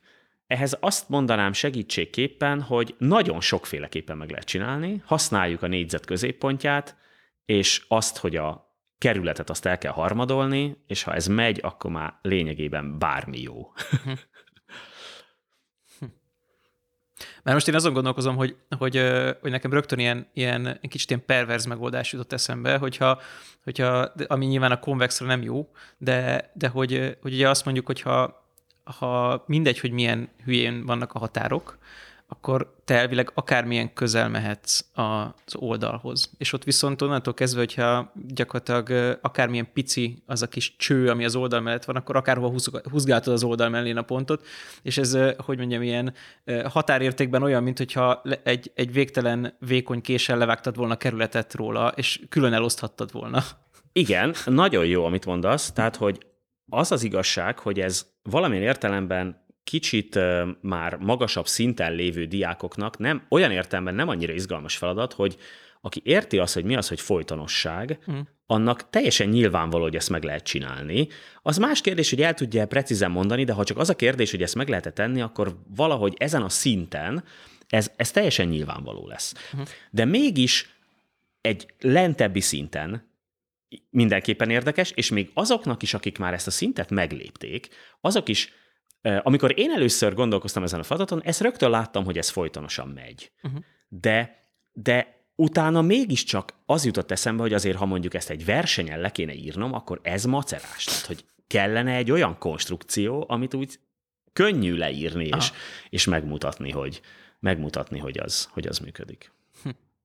És egyébként ezt, a, ezt az ilyen, hát most akkor használom még egyszer ezt a szót, hogy pervers, tehát hogy egy ilyen, ilyen nagyon fura megoldások szoktak születni? Igen, persze. Tehát ez, ez egy idő után az hogy, az, hogy valakinek valami nagyon szokatlan megoldása van, vagy nem a, nem a nagyon becsatornázott vonalon jut eszébe valami, az, az igen, az a tehetséges diákoknál nagyon, az, az teljesen rendszeresen előfordul, és valahogy talán valamilyen mértékben jel, jelez is egy, egyfajta tehetséget, tehát nem feltétlenül, hogy általában a matematikai tehetséget, de azt, hogy azt, hogy ő nyitott arra, hogy valahogy máshogy lássa a dolgokat. Ez nagyon sokszor segített a matematika története során, hogy valamit, amit addig néztünk valahogy, azt valaki tudja valahonnan máshonnan nézni, mert ahonnan eddig néztük, onnan valahogy nem látszott a lényeg, és ha valaki valahonnan nagyon máshonnan nézi, akkor esetleg kiderül, hogy nagyon egyszerűen látszik a lényeg. Tehát ez egy, ez egy fontos képesség is, hogy tudjunk nem megszokott megoldásokat produkálni, és a, amit még ide kapcsolnék, az az, hogy a, hogy a kérdésfeltevésnél nagyon szeretem, hogyha ez bennük van, hogy valami olyat kérdeznek, ami meghökkentő, szóval hogy nagyon nem passzol oda. Persze ez lehet a teljes idétlenség is, tehát ez eh, nagyon nehéz ezt jól meghatározni, de hogy, de hogy valami olyat kérdezni, ami, ami első ránézésre nem is tűnik annyira kapcsolódónak, de aztán valahogy kiderül, hogy tényleg úgy nagyon szerves része, izgalmas lesz, nagyon jó rajta gondolkozni. Igen, szóval ez, ez kell, hogy legyenek ilyen, ilyen, ilyen, nem tudom én, a sorból kilógó megoldások, azt szerintem a, a tanárnak is nagyon sokat segít, meg a többi diáknak is egyszerűen növeli ezt az eszköztárát, a, ami nem, ez a, nem a sablonos eszköztárat, hanem, hanem azt, hogy, hogy valahogy nagyon sokféleképpen tudunk kérdésekhez közelíteni. Akkor most már csak nagyon sok, sok jó tanárt és sok időt, meg lehetőséget kívánunk a, a diákoknak, hogy ezek az ötletek, ezek hogy mondjam, jó fogadókészségre lejjenek. Akkor köszönöm még egyszer. Én is. A beszélgetés most véget ért, de ne csüggedjen, hamarosan újabb epizóddal jelentkezünk. Iratkozzon fel és értékelje az adást iTunes-on, Spotify-on vagy más podcast szolgáltatókon, csak keresse az MTA podcastot. Az adásokhoz pedig bővebb háttérinformációkat, linkeket találhat az mta.hu per podcast oldalon.